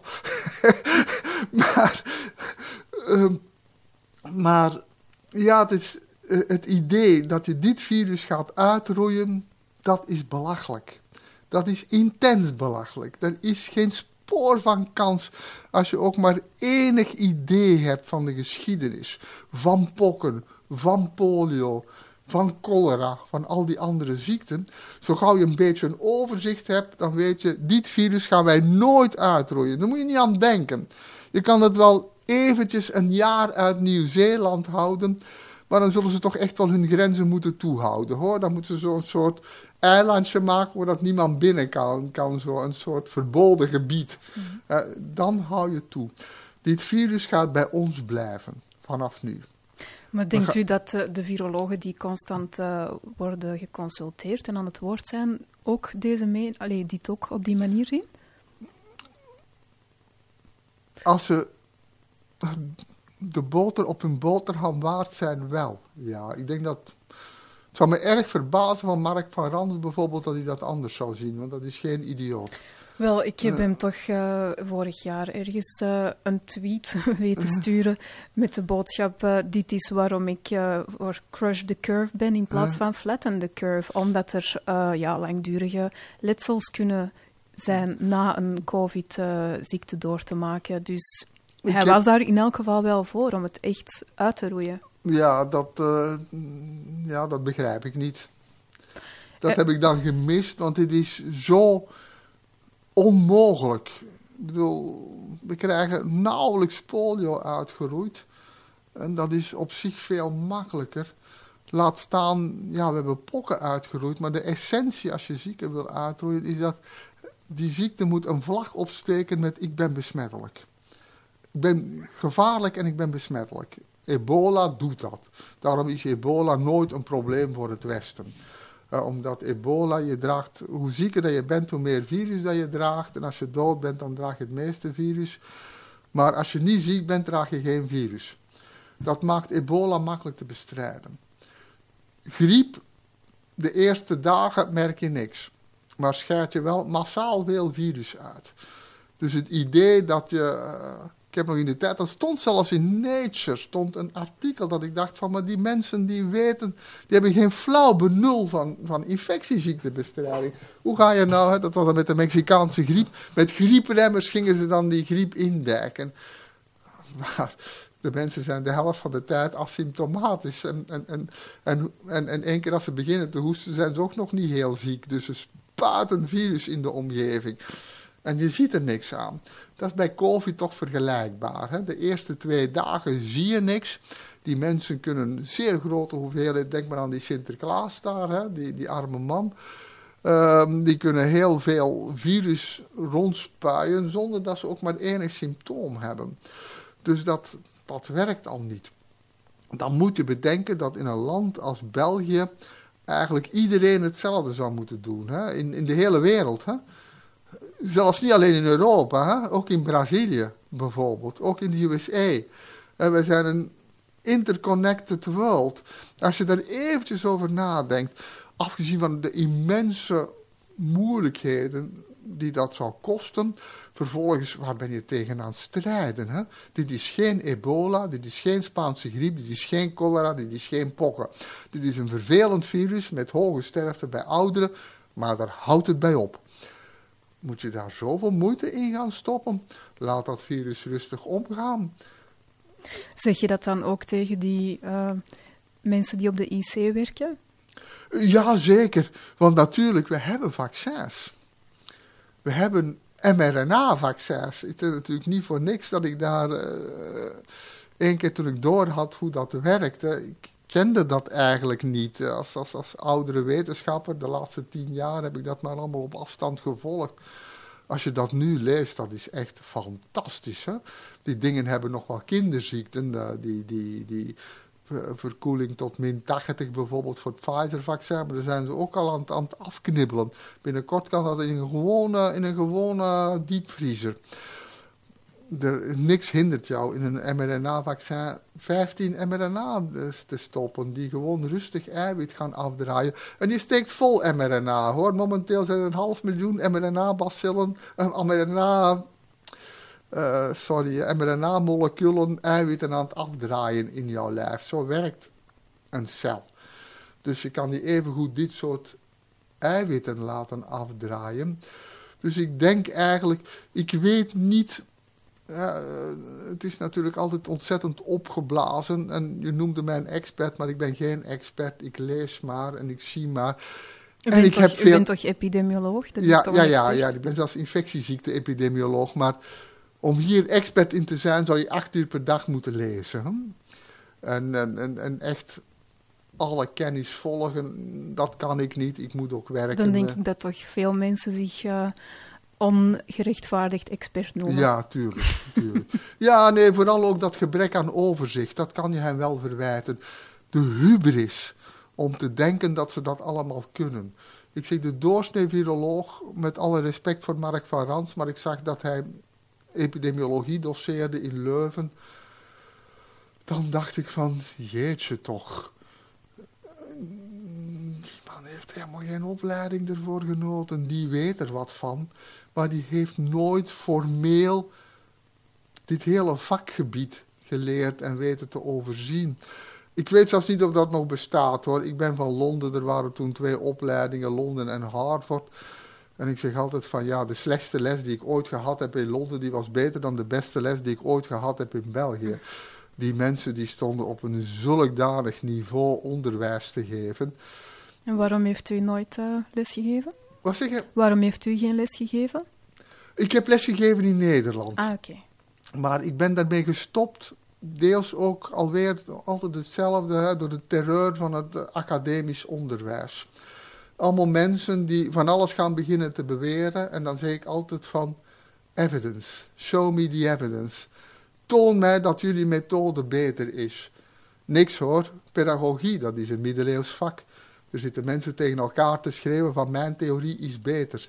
Show me the evidence. Toon dat jouw methode beter werkt.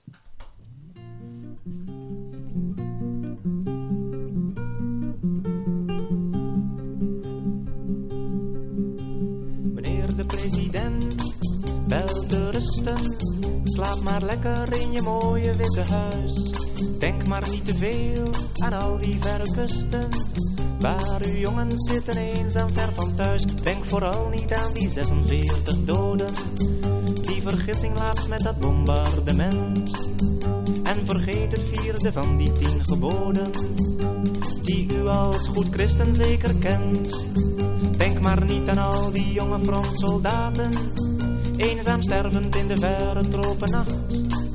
Laat die bleke pacifisten kliek maar praten, meneer de president.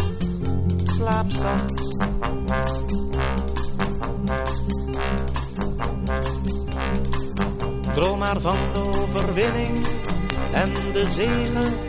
Droom maar van uw mooie vredesideaal. Dat nog nooit door bloedig moorden is verkregen.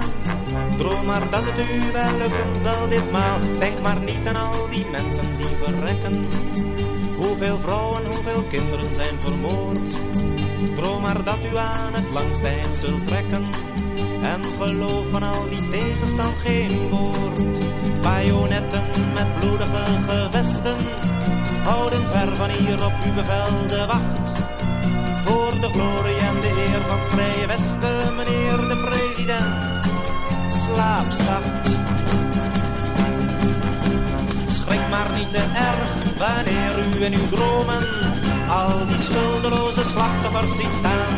Die daar ginds bij het gevecht zijn omgekomen en u vragen hoe lang dit nog zo moet gaan. En u zult toch ook zo langzaamaan wel weten dat er mensen zijn die ziek zijn van geweld.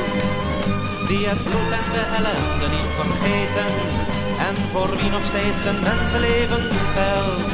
Droom maar niet te veel van al die dode mensen. Droom maar fijn van overwinning en van macht. Denk maar niet aan al die vredeswensen, meneer de president. Slaap. Ja, en dan uh, vragen wij ons allemaal natuurlijk af hoe lang nog. Nou ja, je hebt eigenlijk zelf gezegd dat het onmogelijk is om het uh, uit ons leven te roeien, het virus, dus het zal blijven. Dat is eigenlijk ook wel speciaal, omdat um, ik zag een keer uh, naar de zevende dag, een paar weken geleden, een stukje maar. En uh, Lisbeth Imbo, die presentatrice, die zei letterlijk um, dat het idee van te leren leven met het virus inmiddels wel begraven was. En daarmee verwijzend naar die tweede golf die dan zogezegd zou hebben uh, kunnen gebeuren door de versoepelingen die daarvoor waren, de versoepelingsbrigade en hun, hun zogezegde impact. Um, maar eigenlijk, het is ondertussen is er een consensus dat het gewoon wel zal blijven. Dus dat gesprek moet juist wel gevoerd worden. Ja, inderdaad. Hè, want er stond onlangs nog in Nature uh, dat ze een heleboel leidinggevende virologen, ik weet niet hoeveel dat er van België erbij waren, ik schat geen enkel, maar die hebben ze dan gevraagd en dat was toch eigenlijk ongeveer 90 procent uh, dacht dat het virus ging blijven, dat het een endemie ging worden. Kijk, we hebben al vier coronavirussen die met ons samenleven. Dat weten we nog, nog ineens, daar hebben we geen last van. Ehm, dat is natuurlijk de toekomst van dit virus. Dat wordt gewoon een verkoudheidsvirus. De vraag is natuurlijk wanneer, hè? De, de, de tijd. Hè? Dus bijvoorbeeld de Britse variant lijkt zowel besmettelijker als virulenter geworden te zijn. Dat kan. Maar dat is maar een korte tijd. Hè? Want natuurlijk een, een virus dat goedadiger, maar besmettelijker wordt, dat krijgt een evolutionaire bonus. Want dat haalt geen mensen uit de samenleving. ik zeg altijd van, gedenk de Spaanse griep. Hè? Er wordt zoveel over geschreven, maar de lessen van de Spaanse griep worden niet getrokken. Ik heb daar goed onderwijs over gehad door een huisdokter. Geweldige man. Die zei van, ja kijk, na één jaar was de Spaanse griep een ernstige griep. Na twee jaar was de Spaanse griep een seizoensgriep. En de Spaanse griep circuleert tot op de dag van vandaag. Niemand weet dat. Niemand heeft dat door, maar dat is zo gewoon. Die, die, die circuleert nog bij ons. Is gewoon een van de vele griepen. En de Spaanse griep, die, uh, zeg, wat wij meemaken, is niks in vergelijking met de Spaanse griep. Hè. De Spaanse griep was een doder van jonge mensen. Hè, met heel hoge sterfte, 2 tot 3 procent sterfte bij mensen tussen de 15 en de 45 jaar. Dus dat wordt op termijn wordt dat zwakker? Ja, op termijn. En, en de Spaanse griep, maar misschien omdat die zo dodelijk was, op twee jaar tijd was dat een seizoensgriep. Zo zal ook deze dit coronavirus, er zijn trouwens theorieën, hè, want vroeger konden wij geen virus kweken, dat de, uh, de zogezegde grieppandemie van de jaren 92, 1892, 1893 geen griep, maar corona was. En een van die vier coronavirussen is geweest, die zich dan vervolgens heeft geïntroduceerd in onze samenleving. Wij leven samen met honderden verkoudheidsvirussen, respiratoire virussen, die daarom, ja, natuurlijk bij oude mensen kunnen die soms wel eens ernstige last veroorzaken, maar dat blijft een uitzondering.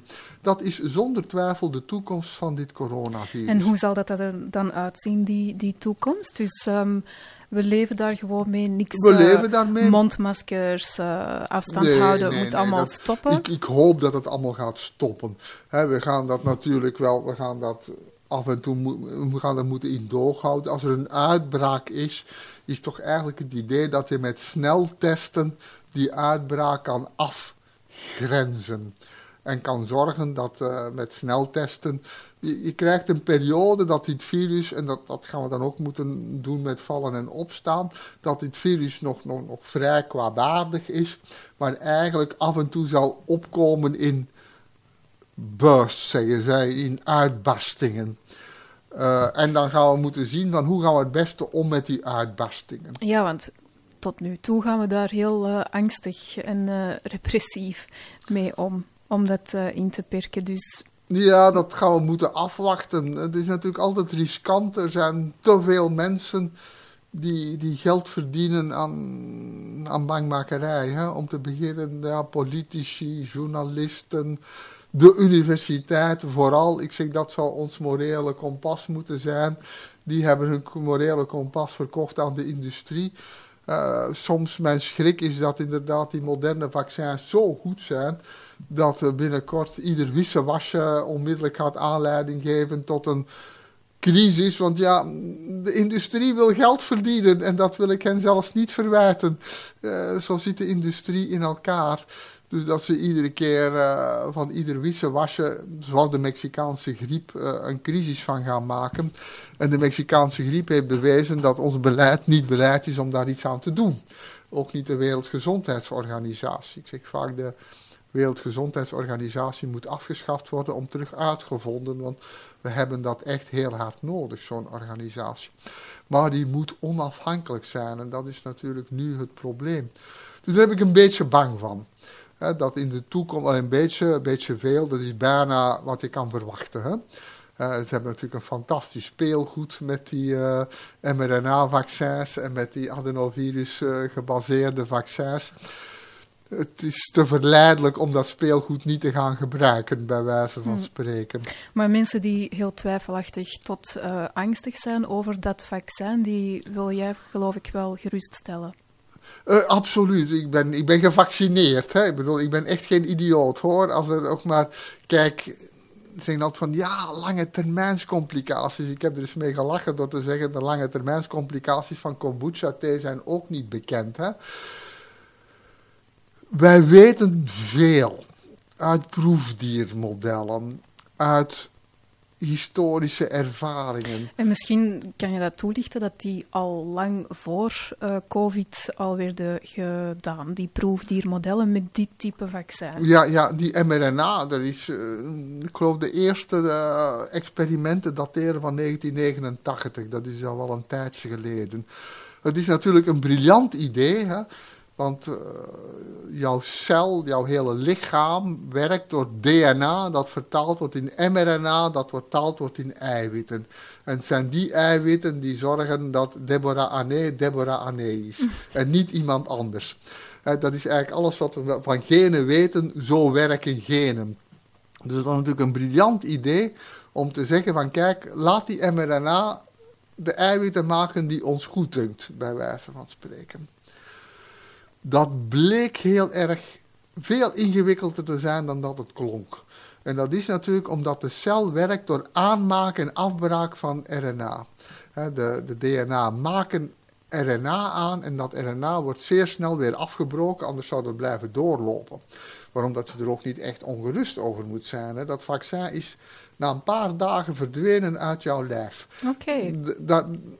Zo werkt mRNA. Dat is een, aan, een, en, en, wat blijft dan over?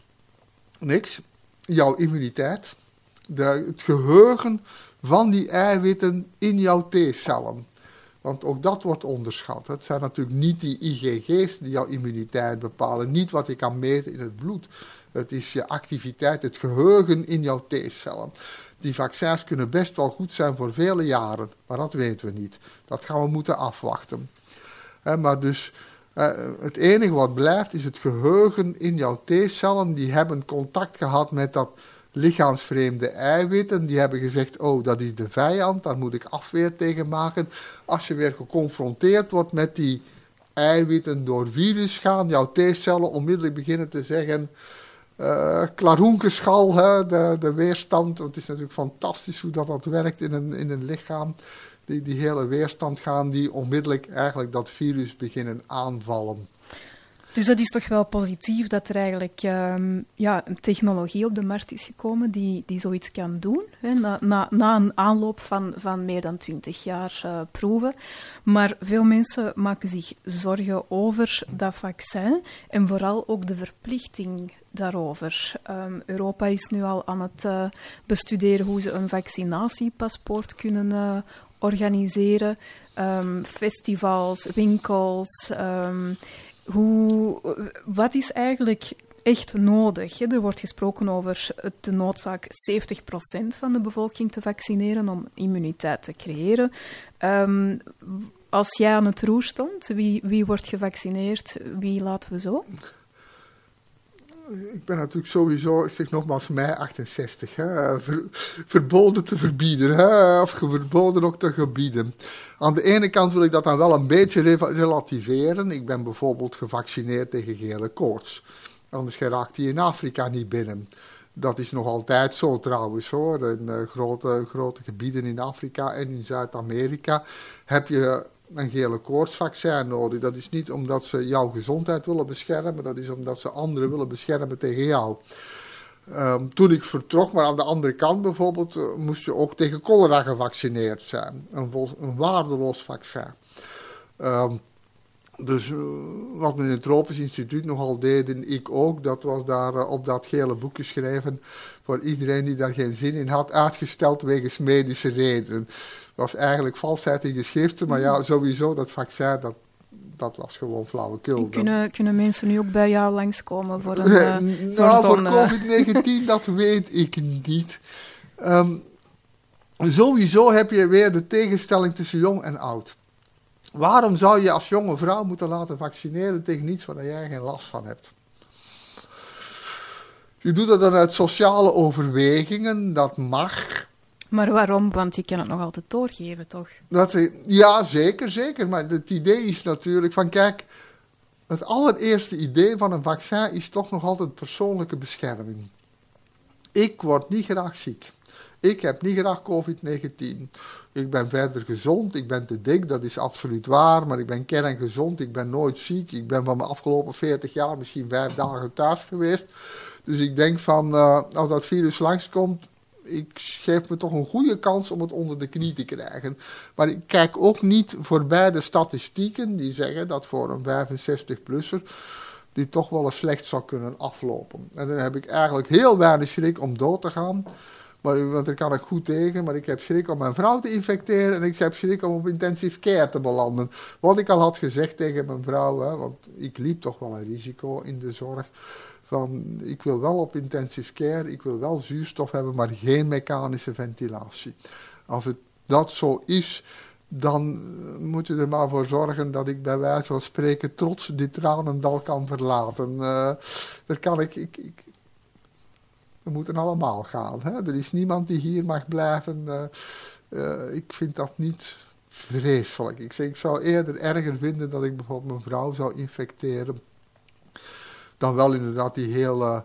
Ja, wij krijgen die allemaal binnen in onze revalidatie. van die mensen die maanden in intensive care hebben gelegen. Mijn god. Uh, nee, voor mij hoeft dat niet. ik kan daar wel zonder. Um, maar goed, waar waren we over begonnen? Over, uh...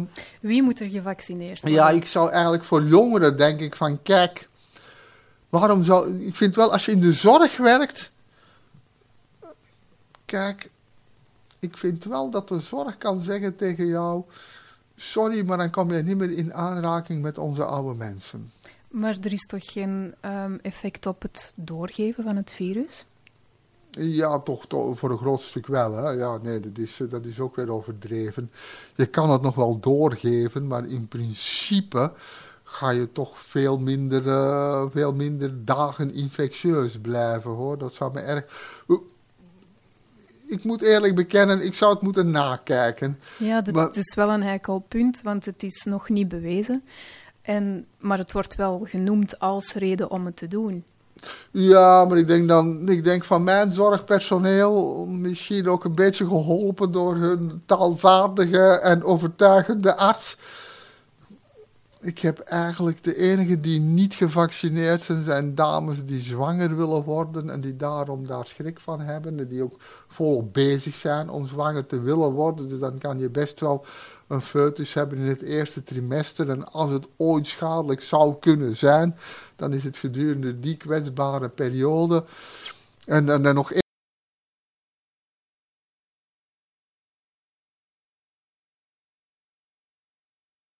de contra-indicaties. Voor de rest heb ik iedereen weten te overtuigen. Ik had ook gezegd van iedereen die vragen heeft, kom langs mij. Mhm. Ik wil het wel uitleggen hoe dat het gaat. Van mijn patiënten geloof ik van de 160 dat er twee niet gevaccineerd zijn. Dus eigenlijk van alle oudere mensen niet iedereen zich vaccineren. Je kan je gaan afvragen. Kijk, in, België, in Vlaanderen is er geen probleem. Meer dan 90% van de zorg laat zich vaccineren. Het probleem speelt zich typisch af in Brussel. Vooral ook een deel in Wallonië. Waarschijnlijk omdat daar toch grote aantallen bevolkingsgroepen hebben die wij qua communicatie slecht bereiken. Maar wat is het doel? Moet er 70% bereikt worden? Nee, nee, nee. Ik vind vooral, je moet jezelf beschermen. Uh, en we moeten, even, we moeten er alweer even afwachten. Hè? We moeten zien wat er gaat gebeuren. Maar waar komt het dan vandaan, die, die 70%? Dat is ook weer het idee van, wij moeten dat virus overal buiten houden daarvan wil ik gerust wel weddingsschappen afsluiten hoor. Mhm. Dat zal niet lukken. Daar ga ik, kan ik veel geld mee verdienen. Uh, dus dat, dat moeten we niet willen ook. Er is eigenlijk, ik zou zeggen, van, nou, ook, ook, van heel die vaccinatiestrategieën en zo, vaccineer iedereen boven de 45. Het is een verouderingsvirus. Wanneer voel je veroudering? Dat kan je heel goed zien aan topsporters. Topsporters doen hun sport graag, verdienen daar veel geld aan, zijn meestal heel gedreven, anders zijn het geen topsporter, maar ze moeten ermee stoppen, omdat ze verraden worden door hun lijf. Dat is veroudering. Ik had al, al, al die zevenaren van anti-aging. Uh, bewijs me maar eens dat je één sporter één week langer aan het werk kan houden. Uh, then we are in business. Want je hebt geen gemotiveerdere bevolking dan dat. En dat is nog niet uh, gelukt om dat te bewijzen. Wat zeg je? Dat is nog niet gelukt nee, om dat te bewijzen. Nee, nee, wij kunnen niks. De verhouding is... als je mijn boek hebt gelezen, dan weet je ook waarom dat dat is. Hm dat is veroudering is deel van ons genoom. Dat is niet zomaar iets, dat, dat zijn geen genen, dat is ons hele, ons hele wezen. Eigenlijk. Het hoort erbij. Ja, van het moment dat jij uh, kinderen begint te hebben die op de drempel van de volwassenheid zijn, dan is de drang om te repliceren van jouw genen de afgelopen zeg een paar miljoen jaar, maar je mag eigenlijk gerust ook wel een miljard jaar verder gaan, want dat is eeuwigdurend, dan is dat nooit druk geweest. Dus waarom zou je nog?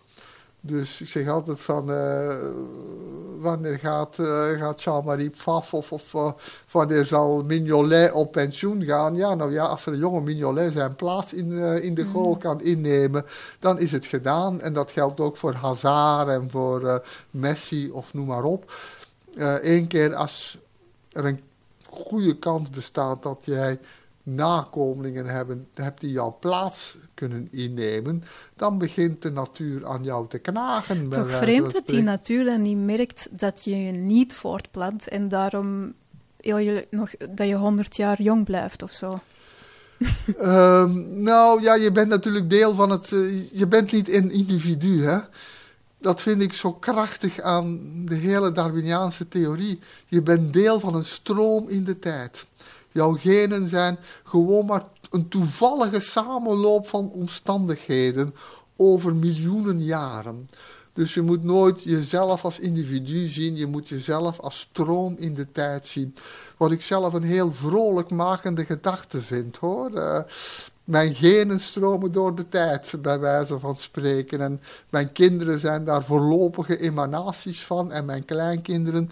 Maar, en, en daarbij komen bij de mens natuurlijk ook die hele culturele evolutie, de memen. Hè. Ik zeg altijd, als je nou vergelijkt met de Romeinen, de meest hoogstaande samenleving die we in de geschiedenis toch kunnen bekijken, dan denk je van we hebben toch heel veel bijgeleerd. Hè? Wij kruisigen bijvoorbeeld geen mensen meer. Uh, wij doen uh, wij, uh, bij voetbal zijn er toch meestal nog wel 22 overlevenden, die gelijk de gladiatoren. Dus ja, er, er is veel vooruitgang. En ja, je, ik weet niet of dat je hem gaat draaien, Walter de Buk. Ik zou zo graag willen leven in een wereld zonder net. Ik denk dat jij dat graag wil horen, dus dan gaan we dat doen. Ja, ja, dat is toch... Vooral ook omdat dat... Die droom, dat hoort onze droom, dat is die utopie, hè? Mm Ik denk, als je wat je nu ziet met uh, Assad, Lukashenko, Myanmar... Dat vind ik eigenlijk erger dan die hele COVID-19. Eh, want die tonen dat je met een totaal boordeloos, losgeslagen van iedere ethische overtuiging, losgelaten, repressief beleid, toch kan winnen. Assad heeft gewonnen, Lukashenko heeft gewonnen. Ik weet niet of dat Myanmar gaat winnen, dat zal de tijd zijn. Dan denk ik van, dat vind ik veel belangrijker, dat we in de toekomst ervoor kunnen zorgen dat dit soort uit de mensheid wordt gehaald. dat wij iemand als Assad uit Syrië kunnen plukken, die stoppen waar dat hij hoort te zitten, in een gevangenis. En dan denk ik, uh, voor dit soort mensen zou ik eigenlijk, zoals ik ben tegen de doodstraf, maar uitzonderingen bevestigen de regel, weg met dat grapul. Zodat, dat vind ik eigenlijk belangrijker momenteel dan COVID-19 dat... Maar u bent dan ook een, uh, iemand die uh, uh, zeker is van zijn inkomen, geen kleine kinderen meer heeft. Misschien bent u nu juist aan het zeggen ja, ja, nee, zeker. wat die mensen, waardoor we in zo'n beleid zitten. Maar ja, zit maar eens in, in een gezin met, met zeven kinderen. Of, allee, er is toch wel heel veel um, Nou ja, nee, ja, maar dat er is- zijn jam, heel, heel veel jammere Maar dat is het globaal beleid. Hè? Ik denk het lokaal beleid is natuurlijk anders dan het globaal beleid. Hè? Ik denk eigenlijk Europa is een stap naar dat globaal beleid. Omdat ik een overtuigd Europeer ben met alle fouten van Europa. We leren bij. Jaar per jaar worden we beter. En eigenlijk moeten we ook in, in de wereld een dergelijke evolutie doormaken. Eh, zodat we eigenlijk, ik geloof echt in evolutie hoor. Ja, en dat vind ik heel interessant, omdat ja, natuurlijk veel mensen die ook kritisch... Du, u bent kritisch, maar toch optimistisch. Terwijl heel veel mensen die ja, zich vragen stellen bij het, eh, bij het, eh, het, de- het narratief dat er nu is. Hè. We hebben een verschrikkelijk virus enzovoort. Mensen die daar kritisch in zijn, ja, die zijn net wel heel pessimistisch. hè. We leren bij, hè. Ik denk toch echt dat je dat niet mag onderschatten. Je moet bedenken wat er nu gebeurt met corona. Dat was 15 jaar geleden hadden we dat al niet gekunnen. Want we hadden geen PCR-testen. Die waren er al wel, maar die waren ongeveer experimenteel. Maar die kritische mensen zouden dan zeggen, ja, dat had misschien wel beter geweest. Dan hadden we niet eh, een jaar, of wie weet hoe lang het nog zal duren, onze kinderen eh, met een mondmasker moeten eh, toespreken, of de, enzovoort, enzovoort. Al de je- nevenschade die we als je creëren. terugkijkt, had hij ook al 60 tot 80.000 doden gehad. Hè? Op basis van wat we nu weten van het virus. Met een levensverwachting die toch een klap zou gekregen hebben. Maar dat je toch inderdaad tot 1918 moet teruggaan. Mm. De oorlogen natuurlijk ook, maar ja, er waren geen infectieziekten. Hè? Maar dan krijg je toch een soort sterftecrisis. Waarvan we de laatste 100 jaar, als je de oorlog eruit haalt, de Tweede Wereldoorlog, niet hadden gezien. Voor de eerste keer in de geschiedenis zijn wij erin geslaagd om zo'n virus, toch een gevaarlijk, besmettelijk virus, af te remmen. Dat vind ik toch ongelooflijk een vooruitgang hoor. Daar gaat een vooruitgangsoptimist, die springt toch van mij eh, van blijdschap over het. Nu, we hebben daar verkeerde dingen meegenomen. Dat is ook de eerste keer dat we het geprobeerd hebben. We moeten leren van die verkeerde dingen. En dat doen we ook. Kijk naar de tweede lockdown in België, waarbij de crisis was erger dan tijdens de eerste lockdown. Maar die tweede lockdown was toch al een stuk beter gerund dan de eerste. We hebben veel bijgeleerd. En ik denk, nu moeten we leren.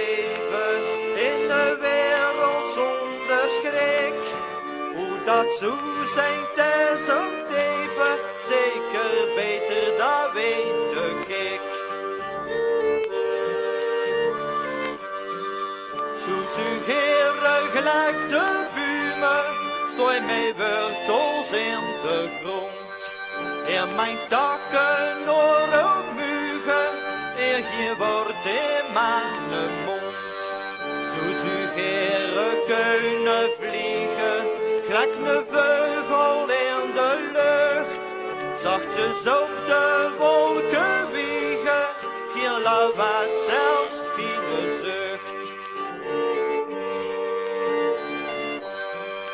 Zo sugeren, zo sugeren, zo van alles spelen doen. Schuine lucht, kastelen, bergen, en toen slopen tot een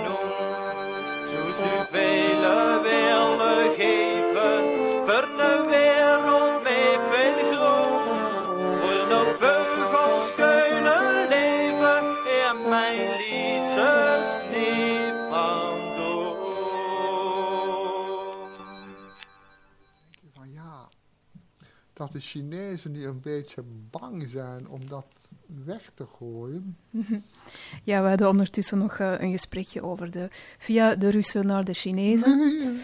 Misschien kunnen we er ineens een, eh, een tweewekelijks katern eh, van maken. Vragenuurtje met Luc Bonneur.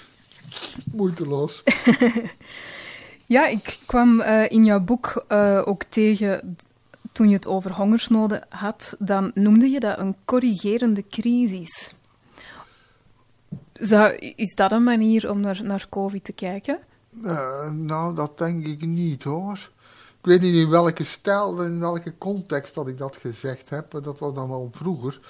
Want in onze moderne wereld eh, worden alle hongersnoden veroorzaakt doordat het volk niet de macht heeft over zijn grond als productiemethode. Dat is een van de dingen waarom dat die Amartya Sen, die ik er net vernoemde, de Agnelli-prijs voor ethiek heeft gewonnen, onder andere. En misschien ook wel de Nobelprijs, want hij heeft dat uit historische gegevens aangetoond. Hè? Dat, eh, dat is bijna altijd een gevolg van groot grondbezit, van, van, van oorlog. Ehm, ik Maar- denk eigenlijk de COVID-pandemie is, ja, hoe moet ik dat zeggen, Eh, even uitzonderlijk als gesneden brood. Het is gewoon een mirakel dat wij zo lang hebben geleefd zonder epidemie en zonder pandemie, die de moeite waard was van te bespreken. Als je terugkijkt in de geschiedenis, tot en met 1918 werden wij voortdurend overlopen door, door, door vreselijke epidemieën. En dat komt ook samen door onze manier van zijn. Ik zeg altijd, als je mijn boek hebt gelezen, weet, jagers-verzamelaars, die kenden geen epidemieën, die leefden veel te verspreid. Dat was een gevolg van de landbouwrevolutie. Dat was een gevolg van het samenleven met, met vee. Ja, en wie nu denkt van, ah leuk, ik ga eh, terug de natuur in, ergens afgelegen wonen en eh, in harmonie met de natuur leven, ja, dan ben je er wel aan voor de moeite als je dan in contact komt met iemand uit de bewoonde wereld, want dan verga je meteen aan de virussen die zij mee Maar je moet dat dan altijd zien in bevolkingsdensiteiten. Hè. Waarom hebben de landbouweconomie en de jagers-verzamelaars verdreven, die veel betere strijders waren, veel betere vechters dan de landbouweconomie? Er was power in numbers. Ze waren gewoon veel meer. En daarom hebben de, land, hebben de jagers-verzamelaars er nog altijd wel van zijn hoor, teruggedrongen tot heel afgelegen habitats. Maar bedenk dat als jij wil jagen, verzamelen in België, met 5.000, 6.000 man is België vol. Hè? Eh, dat is het probleem van jagen en verzamelen. Dat is het aardsparadijs. Daaruit zijn we verdreven. Maar dat kan enkel als je bereid bent met 1 à 2 inwoners per vierkante kilometer en dan is het ongeveer op. Hè? Ja, vandaar dus eh, de vraag over, is het een corrigerende crisis? Want we zijn wel met enorm veel op deze planeet. Het is nog lang niet zeker of we het zelfs eh, gaan volhouden met zoveel. Ehm, dat is misschien ook een, een ethische kwestie. Ik, heb, ehm, ik weet niet juist wanneer, maar binnen denk drie, vier weken komt ook een, eh, een medisch ethicus hier eh, twee uur praten over de huidige situatie. Maar moeten we daar niet over nadenken? Hoe oud willen we worden? In welke staat willen we oud worden? Als we zien dat ehm, vooral ouderen en zwakkeren, dus al met onderliggende eh, aandoeningen, te kampen krijgen met ernstige gevolgen van COVID. Ehm, dat zijn de ethische vragen die gesteld moeten worden, of niet? Nee, nee, Nee? dat is marginaal. Dat is nee, marginaal. dat geloof ik echt niet. dat dat enig belang heeft. Nee, want COVID-19 doodt ouderen. Hè? Mhm. Evolutionair gezien is het al redelijk onbelangrijk, want die gaan zich niet meer voortplanten. Ehm, en, en bovendien is de sterfte veel te gering. Eh, dat wordt vaak onderschat hoor. Eh, kijk, er wordt gesproken van 1% infection fatality rate. wat betekent 1% in de geschiedenis van België? Dat is één jaar voortplanting, Dus nog dat is niet. duidelijk geen, geen argument. Nee. Maar ehm, ja, en u, u, u werkt in een verpleeghuis voor, voor ouderen. Ehm, het is misschien een beetje raar om het zo te stellen, maar ik weet dat er veel mensen zijn die zich vragen stellen: moeten we zo oud worden? Op die manier. Moet- Nou, moeten we dat- dat willen als samenleving? Je hebt daar twee houdingen tegen. Je hebt daar natuurlijk een, een, een, een, grote diversiteit. Hè? Ik ben een van de weinige artsen in Zeeuws-Vlaanderen die euthanasie doen en daardoor ook heel veel euthanasieën krijgen. Ehm, dat is wat ik voor mijzelf verkies. Zonder twijfel. Ik wil zelf dit leven verlaten.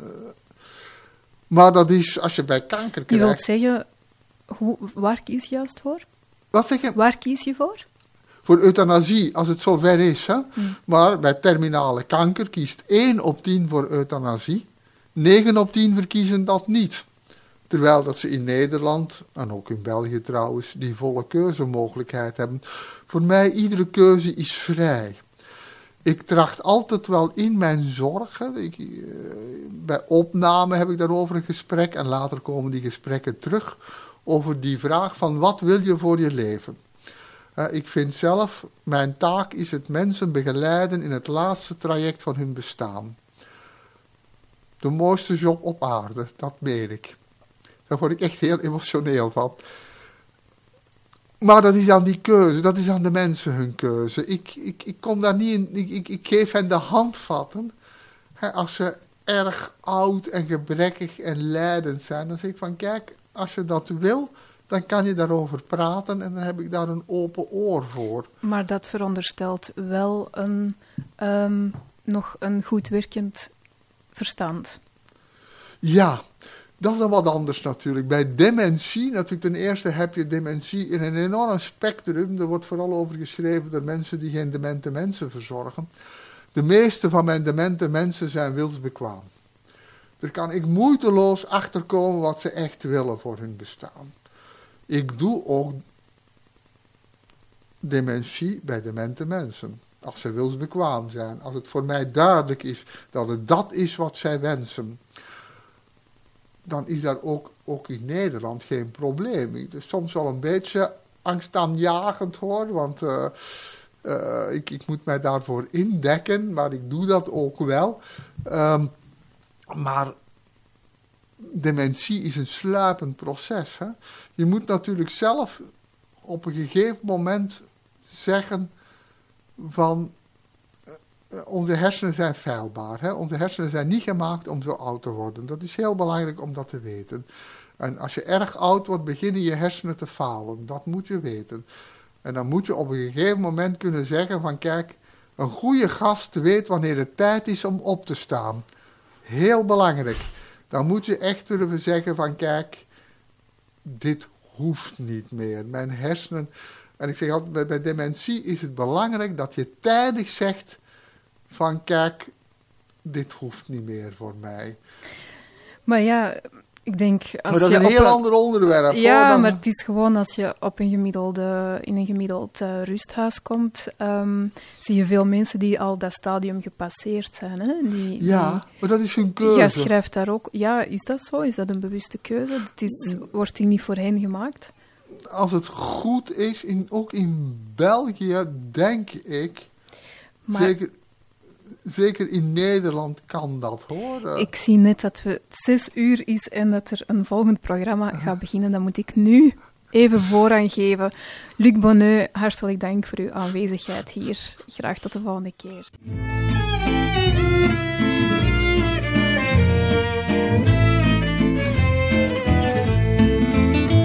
In de maat van de seizoenen, op het ritme van de maan, zoekt de wereld naar de reden van zijn tijdelijk bestaan. Lijkt de bomen in de lengte met hun knappen en hun loef, die dan belooi symboliseren van het christelijk geloof. En van heidense priabel, lieve God, wat is het verschil? Tot toch altijd om dezelfde tegeloense levenswil van de planten en de biesten en de mensen excuseer. En zo val dat ik zijn vergeten, ook de invloed van het wij.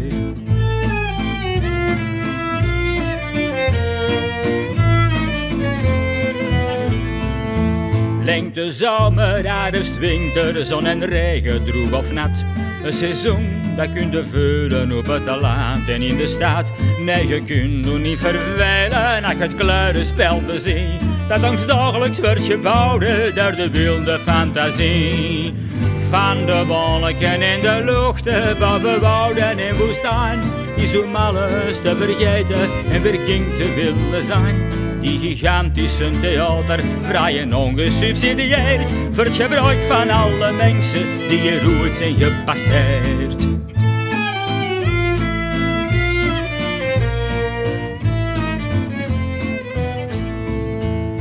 In de maat van de seizoenen vloeit een taart like een rivier.